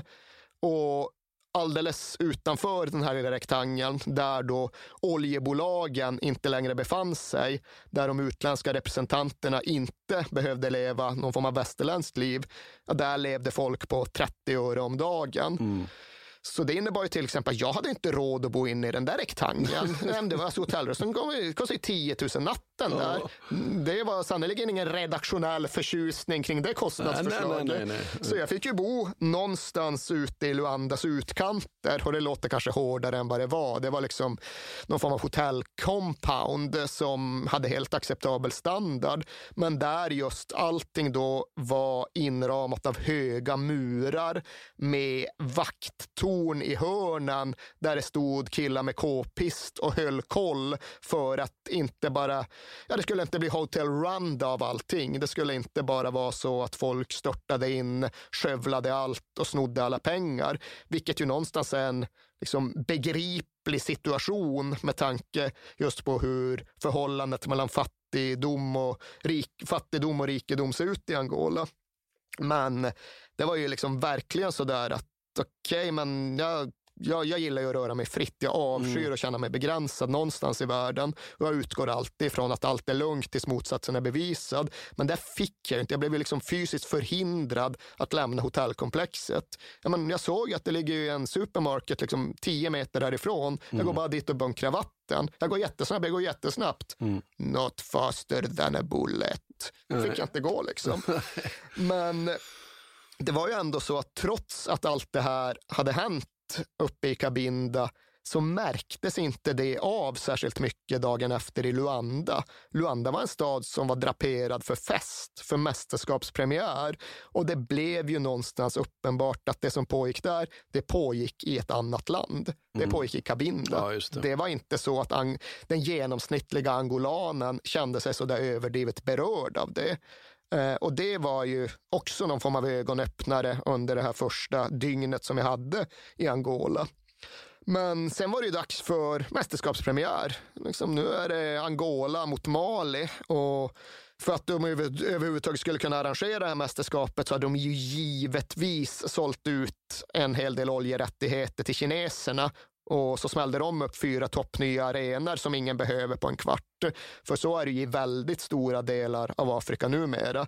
Att så fort det ska byggas upp en nation igen efter något blodigt inbördeskrig, så fort det behövs en infrastruktur, ja men Kineserna får råvarutillgångar, de bygger, de ställer inga frågor. Så ser liksom samarbetet ut. Och bara att ta sig dit var ju helt jävla hopplöst, för det låg liksom ute vid enda överbelastade ringvägen.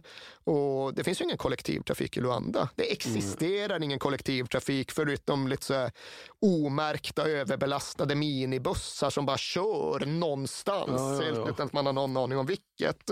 Det enda sättet att ta sig fram där är att hyra en privatchaufför för en miljard. Men jag bara tjatade mig in i någon bil från ackrediteringscentret. Jag, hade liksom bara, ja, men jag kommer inte kunna komma till arenan, jag tar mig inte dit. Jag bara liksom hoppa in i någon bil mot Sherwoodskogen.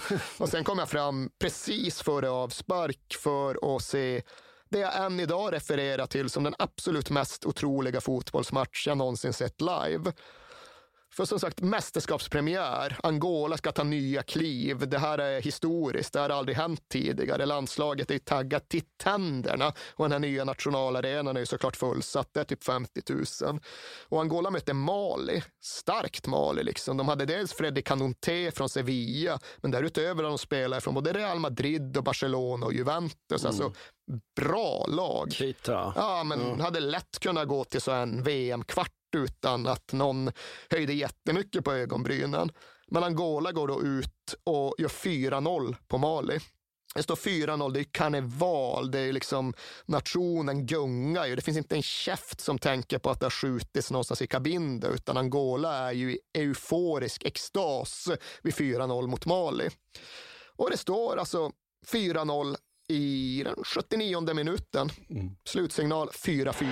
pour mettre ce ballon dans la surface de réparation. Il y a Canouté, Canouté dans les airs L'arrêt, l'égalisation Le Mali égalise Quel match Quel match de folie Må- är ju alltså, de är, de är 4-1 i 79, men då är det fortfarande helt, totalt lugnt. Mm. Och det står fortfarande 4-1 i en 89.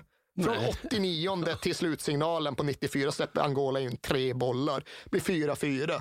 Och visst, det var på Olympiastadion i Berlin när Rasmus Elm gjorde 4-4 på stopptid. Men där var det ändå så att Sverige gjorde både 4-1 och 4-2. Det stod 4-2 efter 65 liksom. Ja. Och då är två bollar på en halvtimme det är otroligt, men det är inte helt osannolikt och liksom bortom alla realismens ramar. Men här kvitteras så Malin i praktiken med att göra fyra mål på tio minuter plus stopptid. Tre mål på en minut plus stopptid. Var det bra stämning på läktaren? Jag var ju lite brydd av hela den här utvecklingen. Det. För jag är som sagt, jag befinner mig i den totalt motsatta änden av Luanda jämfört med mitt hotellkomplex. Jag har inga kontakter, känner ingen, har inte förberett någonting och har verkligen ingen som helst aning om hur jag någonsin ska kunna ta mig därifrån. Får jag bara säga en grej? Det är ganska långt från Malmberget och dit där du befinner dig. Har det någonsin varit längre? Äh, oh, ja, det var det på... Nej, men har det varit längre avstånd? Det mentala avståndet var, ja, det var ett av de största som jag då skulle försöka överbrygga på något sätt. Och liksom som sagt, det är inte munter stämning direkt från nationalarenan. Folk är ju rätt uppjagade och man känner ju att man sticker ut en del med mitt Malmbergska utseende i just det där sammanhanget. Och det är becksvart så fort arenan försvinner. För jag, liksom gör ju, jag gör små liksom framstötar ute i mörkret. För, ja, men, det kanske finns något där ute. Sen går jag 30 meter, så här becksvart, står i en jävla öken. Men det går ju liksom inte. Börjar försöka snacka med folk. Vad ska jag säga? De pratar portugisiska med afrikansk accent. Och jag vet knappt vad mitt hotell heter.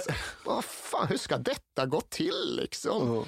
Men då visar det sig att det är som sagt, finns ingen kollektivtrafik och det har fram till den här dagen inte heller existerat någon taxiservice i Angola. Absolut privatchaufförer, men det har inte funnits några taxibilar. Mm. Men inför mästerskapet så har Angola fått sina första taxibilar. Finns ju ingen där som har minsta tanke på att nyttja en sådan. De har aldrig sett något liknande. Nej. Men grejen är att det är inte så att de gör något väsen av sig. Det finns typ ett halvdussin i hela nationen. Då. Ja. Men jag liksom cirklar runt där och jag är lätt kvar i så två timmar. Och bara, för hur fan ska jag komma härifrån? Och det måste vara lite panikkänsla? Ja, det är, det är lite småsegt, det, kan, det kan erkänna. Uh, och det börjar ju glesna ändå. Jag vet inte fan hur alla tar sig därifrån. Det är jättemycket bilar såklart, men mm. de kör ju. Men det, det börjar glesa. Se, men fan, det står i två gula bilar som har någon form av symmetrisk likhet. Och de verkar ju ta det rätt lugnt. Fan, det är ju taxi. För då hade jag också kommunicerat att det existerar ingen taxi i Angola. Så jag hade ju knappt ens letat efter det. Men där står då Angolas två första taxis. Och jag blir en av de första människorna i nationens historia att åka taxi i Angola. och så, alltså, den taxin, det är så, så tre timmar sedan från arenan hem. Bara, fan, det finns inte en chans att han kör mig rätt, den här killen. Nej, nej, nej. Det är sjörövare alla dagar i veckan. Oh. Och den paniken är fullt jämförbar. Först två timmar utanför arenan, men sen har skumpat runt i liksom angolanska favelor ah, i två timmar utan ah. någon som helst indikation på att vi är på väg åt rätt håll. Liksom. Ah. Det var inte heller så där jättestarkt.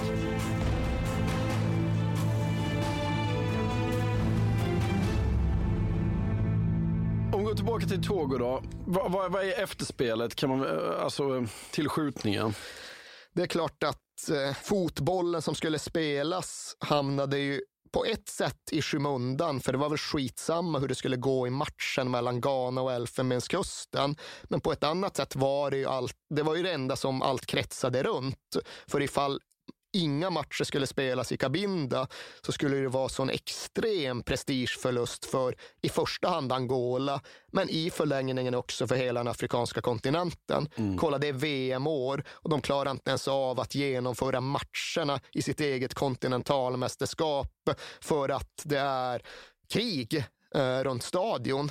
Alltså, det är klart att det är orättvist. Det går ju inte att bunta ihop Angola med Sydafrika och få någon form av relevant parallell. Men det var absolut liksom så världens dömande ögon användes. Jo, men det är ju så man kollar på Afrika med västländska ögon. Liksom. Kolla, det händer i Afrika. Nu ska de spela i Sydafrika. Och då sa ju Sydafrika själva, jo men alltså det, det, det händer grejer i Bosnien och ni snackar inte om att det... det, det... Oroligt på Wembley. Nej, liksom. Nej men verkligen. Ja. Eh, Men i alla fall, det var ju väldigt svårt att förutse vad som skulle hända. Och de hade någon ty- de kallade det för OS-byn. Det har ju bevisligen inte arrangerats speciellt många olympiska spel i Cabinda, men de kallade liksom det compound där de inkvarterade samtliga lag, samtliga deltagarlag för OS-byn. Och där var ju då Elfenbenskusten och där var Ghana och dit kom ju även det togolesiska landslaget var det led. De liksom går av bussen med hjälm och skottsäker väst och liksom hela den grejen. Men det finns eh, dokumenterat filmmaterial som jag minns, jag såg den nere i Angola och berördes så jävla starkt av när och precis anlänt dit. Och, eh, Adebayor går av och Drogba kommer. Och liksom den omfamningen mellan Mm. liksom de två, som det var i det här läget, liksom de två symbolerna för den afrikanska kontinenten och liksom så mycket mycket som inte sades men som bilderna ändå visade, så mycket innehåll som fanns i det där mötet. Det berörde mig starkt.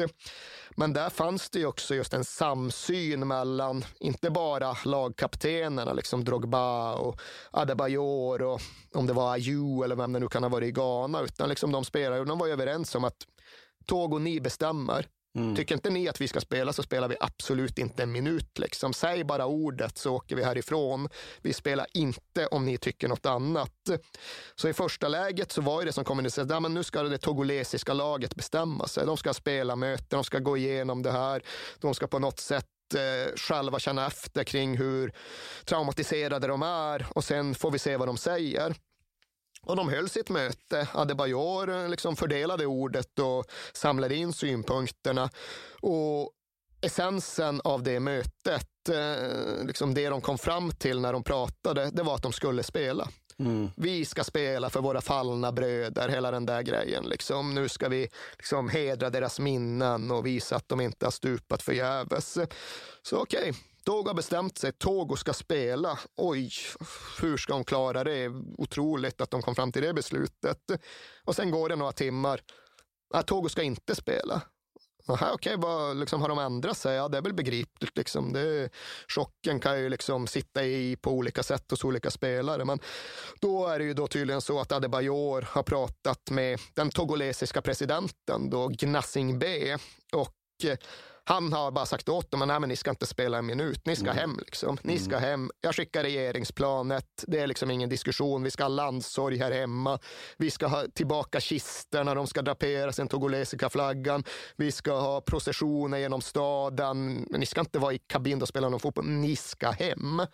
Och så blev det ju. De skickade mycket riktigt regeringsplanet och bara tog hem dem. Och från samtalet mellan lagkapten och president till det att planet lyfte från Cabinda var det bara så här fyra, fem timmar. Det liksom bestämdes, sen genomfördes det. Men då var det alltså sjukaste, sjukaste kaffe, det afrikanska fotbollsförbundet. De följer ju den här utvecklingen och de möter den på ett sätt som innebär att de säger, aha, Togo ska inte spela, de drar sig ur mästerskapet. Ja, det kommer få konsekvenser. Så de stänger ju av Togo från de två efterföljande afrikanska mästerskapen. Ni får inte delta om fyra år, ni får inte delta om åtta år heller. det är helt sinnessjukt. Ja, får, och då hänvisar de till, ja men det var presidenten som kallade hem laget och Fifa säger att det får inte finnas någon politisk inblandning i fotbollen. I så fall ska det bestraffa. Alltså, den politiska inblandningen i Togos fotboll, den har varit total och hundraprocentig från dag ett. Och det struntade de ju totalt i så länge det bara var lite pengar som försvann. Men här då, när deras eget flaggskepp, när mästerskapet genomförs med blanka luckor där ett lag har dragit sig ur, ja, det ska då bestraffas med avstängning. Och säga vad man vill om Sepp Blatter Peter, en av de absolut mest korrupta idrottsfunktionärer jag överhuvudtaget känner till. Men han hade i alla fall så pass mycket realpolitiskt sans att han försökte, det här kan ju inte, det, det händer, vad fan, så här kan ni ju inte hålla på. Fattar ni hur detta ser ut? Det ser ju dåligt ut till och med för mig. Exakt liksom. Ja. så var det. Ja. Så han gick ju in och hävde, liksom vad fan, skärp till. Ja. Så det hävdes ju i alla fall. Men det var det som i grunden blev liksom summeringen. Togo åkte hem och Togo bestraffades för sin inblandning i mästerskapen med en lång jävla avstängning. Ja, men då vet vi vad som hände eh, och vad, som blev följderna av det. Men om vi nu tittar liksom idag, hur gick det för Adebayor till exempel? Ja, det finns det ju flera svar på och dels är ju det det ena svaret, det som de flesta känner till egentligen. Liksom de som har sett Adebayor spela fotboll och kunna följa hans karriär vet ju att ja, men Arsenal och sen blev det Manchester City och sen blev det det där firandet och sen blev det konstiga studsen i Real Madrid och sen blev det Tottenham och nu är det märkliga Başakşehir i Turkiet. Så liksom en krokig men ändå högst synlig fotbollsresa med stora framgångar. Men den behöver vi väl inte orda så mycket om. Därutöver så finns det ju dock den andra berättelsen, den liksom om människan Emanuel Adebayor snarare än anfallaren. Och den har ju vecklat ut sig till en av de absolut sorgligaste fotbollshistorier jag över, överhuvudtaget känner till. För ja, till att börja med så behövde ju han såklart också processa det som hade hänt i Angola och han behövde förhålla sig till hur det hade kunnat ske och liksom hur det blev så och vad som skulle kunna göras för att något liknande aldrig skulle hända igen. Och det fick ju konsekvensen att han drog sig ur landslaget flera gånger och sa, nej men jag kan inte spela för Togo. Liksom. Så länge organisationen är så här dålig, så länge förbundet är så här korrupt, jag kan inte spela. Eftersom att Adebayor har den profil han har så blir ju alltid reaktionen, ja ah, men kolla nu orkar han inte bry sig om sitt landslag, han, är för, Mm. han vill bara spela i Champions League, han tänker inte offra sig och åka ner till Afrika. Och liksom bara, handlar inte om pengar för mig detta. Liksom, tusen dollar eller någonting. Liksom, det skulle aldrig avstå landslagsspel för pengar. Men så länge organisationen är obefintlig och så länge förbundet är korrupt så tänker jag skita i det här. Så har jag sagt några gånger och sen har ni får ångra sig efter två månader varje Mm. gång just för att någon knut eller någon fnurra har löst sig. Så han har ju återvänt till landslaget varje gång. Men allt det där är ju trots allt faktiskt ändå bara en bisak i jämförelse till i jämförelse med hans Ja, hans privatliv, hans familjeliv, hans relation till sina Ja, för- allra närmaste. För det kan man ju säga att nu när, när det ver- verkligen fanns pengar till familjen så var det inte så att familjen var glad och nöjd och allting var lugnt. Så. Nej, och det är ju liksom svårt att även här liksom tycka sig veta tillräckligt mycket för att verkligen ta ställning. Men det har ju publicerats en hel del bevisunderlag, ifall vi formulerar oss så. Det är kort och gott en familjefejd som har kommit att utspela sig inför helt öppen social medial ridå. För oss som följer Tottenham så började väl verka att något var märkligt hösten 2014, alltså Pochettinos första höst. Och Adebayor var ju usel. Adebayor var verkligen jättedålig och så här som man blir när man är på väg bort från en klubb, totalt ointresserad. Och, liksom bara, och man blev så... "Ah, Åk någon annanstans och skriv på ett nytt kontrakt för du spelar ju tydligen bara för pengarna. Någonstans var ju det, det var bilden man hade. Ja. Liksom. Ja, men du vill jaga pengarna, jaga pengar, men nu har du givit upp här så liksom kan, kan vi få det här överstökat. Och visst, eh, vi skickade in Harry Kane istället för Adebayor och det blev ju rätt bra. Ja, det blev bra. Men eh, det kom ju under den här hösten även då en typ av förklaring. Adebayor själv medger att ja, jag har varit dålig. Nej, det har inte alls gått bra. Jag har inte fått ut någonting av mitt spel. Men det är ju då som konsekvens av att min egen mamma har praktiserat juju, alltså vad ska vi, afrikansk häxkonst på mig. Ja. Jag bara, All right.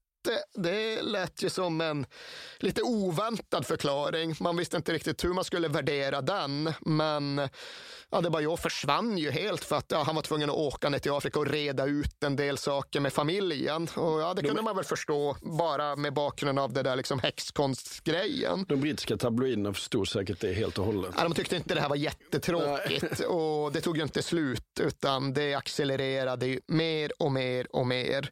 Och det kom ju då först kontraanklagelser om att men det är ingen juju här utan det är ju Adebayor som håller på att överge sin kristna tro och han har börjat umgås med muslimska fundamentalister och därför så är det klart att Gud vände sig emot honom. Och det var en diskussion och sen kom ju då allt det här med liksom, ja, men pengarna. Allt det med pengarna. Och våren 2015 så skenade ju det hela iväg bortom all begriplighet. För det hade ju liksom käftats och gnabbats och smutskastats i medierna under egentligen hela det halvåret. Men våren 2015 så går ju då Emanuel Adebayor ut på sin egen Facebook-sida och publicerar men alltså boklånga inlägg om sin relation till sin egen familj. Det är ju ändlösa skrivelser och helt häpnadsväckande skrivelser. Det går inte ens att sammanfatta allt det han säger, allt det han beskyller sin egen familj för. Men det går ju liksom att konstatera att ja, han anklagar en brorsa för att vara kleptoman. Han har ju stulit allt som har kommit i sin väg under precis eh, hela det gångna årtiondet. Han skulle ha snott 21 mobiltelefoner från ett och samma omklädningsrum ja. med Adebayors lagkamrater. Men det var ändå liksom ganska lindrigt i relation till att han till exempel anklagade två av sina andra bröder för att ha kommit till Frankrike under tiden som Adebayor spelade i Monaco och krävt pengar. För det var tydligen det all kommunikation gick ut på. Adebayors eh, familjemedlemmar hörde av sig till Emmanuel Adebayor och krävde pengar. Mm. Mer pengar, snabbare pengar, hit med pengar, nu vill vi ha pengar, det här vill vi ha pengar till.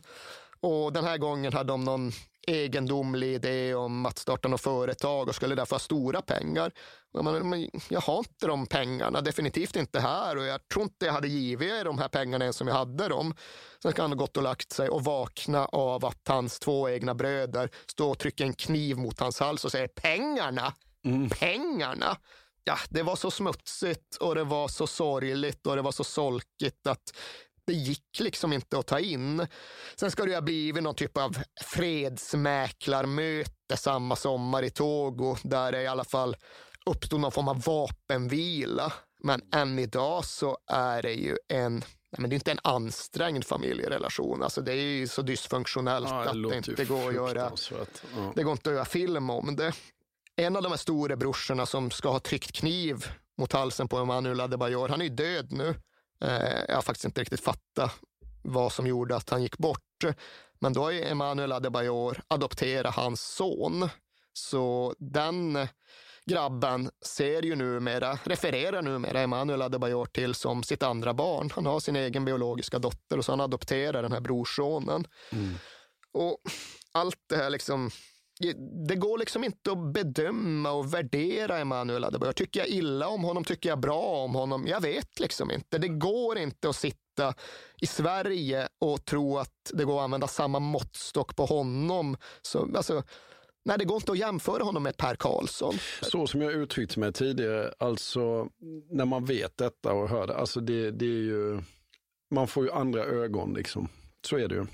Ja, nej, jag, liksom, jag landar där någonstans att han är från en verklighet som är så långt bort ifrån min egen att jag kan, jag kan inte värdera honom. Jag tror det var på åttaårsdagen som han återigen använde sina sociala medier för att liksom, ja, försöka formulera vad han kände inför minnet av det. Och där var ju någonstans ändå liksom som, ja, när jag sluter mina ögon, jag hör ju fortfarande allting. Jag kan fortfarande höra skriken och tårarna och skotten i mitt eget huvud the years go by, but the pain doesn't. Och det är lätt att förstå att han känner på det sättet. Och det är ännu lättare att förstå att det finns andra som drabbades ännu värre och som har ännu svårare att släppa smärtan från Kabinda. Ja. Hur gick det sen för Kodjovi och Bilale då? Ja, det är ju i första hand kanske honom jag refererar till. För han fick ju som sagt beskedet att även om vissa delar av, av, hans anatomi förblev funktionella så var hans fotbollskarriär sluta över. Det var definitivt oåterkalleligt och då var han ju en 25-årig målvakt som visserligen hade blivit utlandsproffs, men som, som vi berättade tidigare tillhörde en klubb i den franska fjärde divisionen och hade tjänat 1000 euro i månaden. Det var inte så att han hade säkrat framtiden för sig och sin familj direkt. Och nu när det var precis tio år sedan tragedin i Kabinda. då fick han faktiskt någon form av utmärkelse av det afrikanska fotbollsförbundet vid någon gala i Egypten. Och ja, det är väl vad det är. Det är i alla fall bättre än total bortglömdhet och han har fått en del pengar av Fifa också, men det är klart att han inte har behandlats på ett bra sätt. Det är klart att fotbollen och fotbollens institutioner inte har svarat upp mot Eh, den tragedin som sporten någonstans i förlängningen försatte honom i. Men han har ju som sagt skrivit mycket om det, han har ju tänkt mycket på det, i upptag i hela hans liv i tio års tid. Och när allting kommer kring, när allt är klart och summerat, så är ju hans liksom summerande analys av hur det kunde bli som det blev ganska klar. För det är klart att han inte är någon varm anhängare av Kabindas frihetskamp idag. Han sympatiserar inte direkt med de som sköt. Men han menar ju ändå att det absolut största och huvudsakliga ansvaret, det ligger på det togolesiska fotbollsförbundet.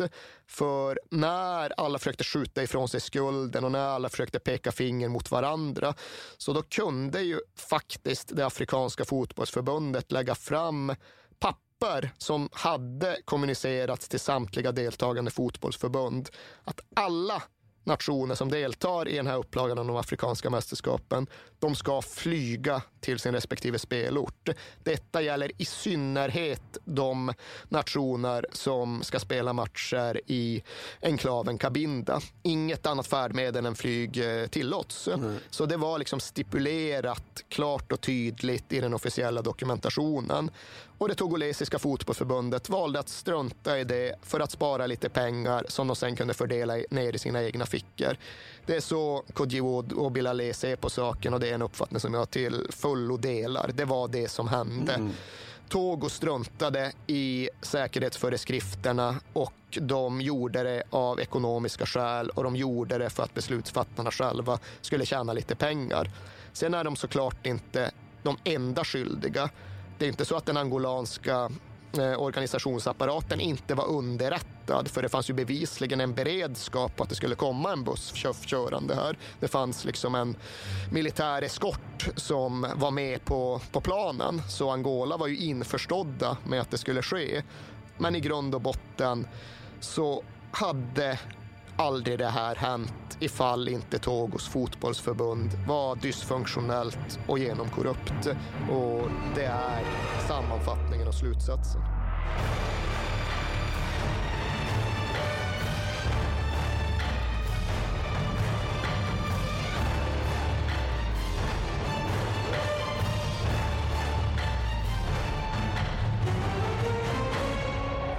Något mer att tillägga? Ja, bara några saker som också liksom hjälper mig att få ihop hela den här berättelsen. Och det är väl inte någon skonsam summering, men jag har ju liksom fortsatt följa både fotbollen i Togo och fotbollen i Angola med lite extra stort intresse. Det är sannerligen inte så att jag kollar resultaten varje ligaomgång, men liksom händer det något så försöker jag kolla vad det är och varför. Och det som händer, det är ju tyvärr ofta tragiskt. Det var ju bara året efter de afrikanska mästerskapen i Angola som en av Togos stora klubbar, Etoile Filante, var på väg till en bortamatch. Och det här är då Kodjivo och Bilales gamla klubb. Det var där han blev elitspelare och det är liksom en stor apparat. De har en gång i tiden varit i final i Afrikanska Champions League. Men nu var de på väg till en bortamatch och de åkte buss och bussen hade såklart gamla däck och däcken gick sönder och bussen störtade ner i en ravin och fattade eld och sex, sex spelare dog. Mm. Och bara, ja, fan. Det, det slutar liksom aldrig. Förra säsongen, kvartsfinal i Afrikanska Champions League mellan Primeiro do Augusto mot mäktiga Tete Mazembe från Kongo. En kvartsfinal som då spelades på den här nya nationalarenan i Luanda, dit jag hade så svårt både att komma och komma därifrån. Eh, Stor, stor match såklart. Stor entusiasm, stort publiktryck. Fem personer dör inklusive två barn, för att det blir någon form av paniksituation när någon dörr inte är öppnad som den borde vara och det blir trängsel och det blir panik. Och ytterligare en tragedi kring en angolansk match. Året dessförinnan hade 17 personer dött i en liknande situation vid någon ligamatch uppe i de norra delarna av landet. Och det är väl kanske det som man får lov att konstatera som vi kan sitta på liksom ett världshavs avstånd eller i alla fall ett kontinentallångt avstånd och konstatera att fotbollen och livet kan se så väldigt annorlunda ut. Och när det kommer till afrikansk fotboll, då är det ju tragiskt nog så att döden och tragedin förblir så mycket mer närvarande än vi egentligen ens klarar av att föreställa oss. Jag tänkte avsluta med en uh, specialfråga som jag ibland har till Erik. Uh, och det handlar om uh, den engelska fotbollstidningen 442 har gjort en ranking över de 15 bästa afrikanska spelarna. Min gamla arbetsplats, vet ja, du. Som har spelat i Premier League. Det är ett litet förbehåll att detta publicerades i september 2018 så att du kan räkna bort Mané och Salah eh, i toppranken. För jag vill att du eh, tar vilka som är de tre bästa som har spelat i eh, afrikanska spelarna som har spelat Premier League. Värderar de då huvudsakligen deras Premier League-insatser eller deras totala bidrag? Ja, nej, nej, det är i Premier League. Ja, men Drogba är självklart. Ja, han är liksom. etta. Ja, Han det är är helt etta, givet. ja. Sen skulle jag nästan gissa att Essien är topp tre. Han är trea. Då är frågan vem fan som är tvåa. Jag kan säga också att Adbayor är sexa. Ja, Nej, jag insåg att han inte är topp tre. Och liksom, det kan inte vara Kanu, det kan inte vara Kotscha, även om deras bollkonster hade varit värdiga en pallplats. Ge mig någon form av... Stor. det, det hjälper Storleksmässigt. mig. Uh, Stor. Lukas Radebe. Nej, men han är tvåa i hela jävla Premier Leagues Ja, vad fan, the, the chief. City. Jaha, ja, ja. Ja. Ja, såklart. Ja. nej, det får jag acceptera att han är före, att han är före Lukas Radebe. Men Lukas Radebe borde vara högt. Ja, ja. Nej, men det är bra gissat. Eh, ni har lyssnat på When We Were Kings eh, om Togo 2010. Fortsätt mejla oss på kings at perfectdaymedia.se. Det är jättekul att få massa mejl av människor som är som oss ungefär.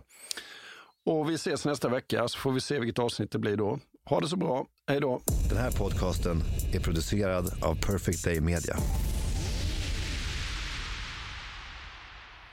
Så han låg kvar där på sitt sjukhus i Sydafrika och behövde hantera den realiteten.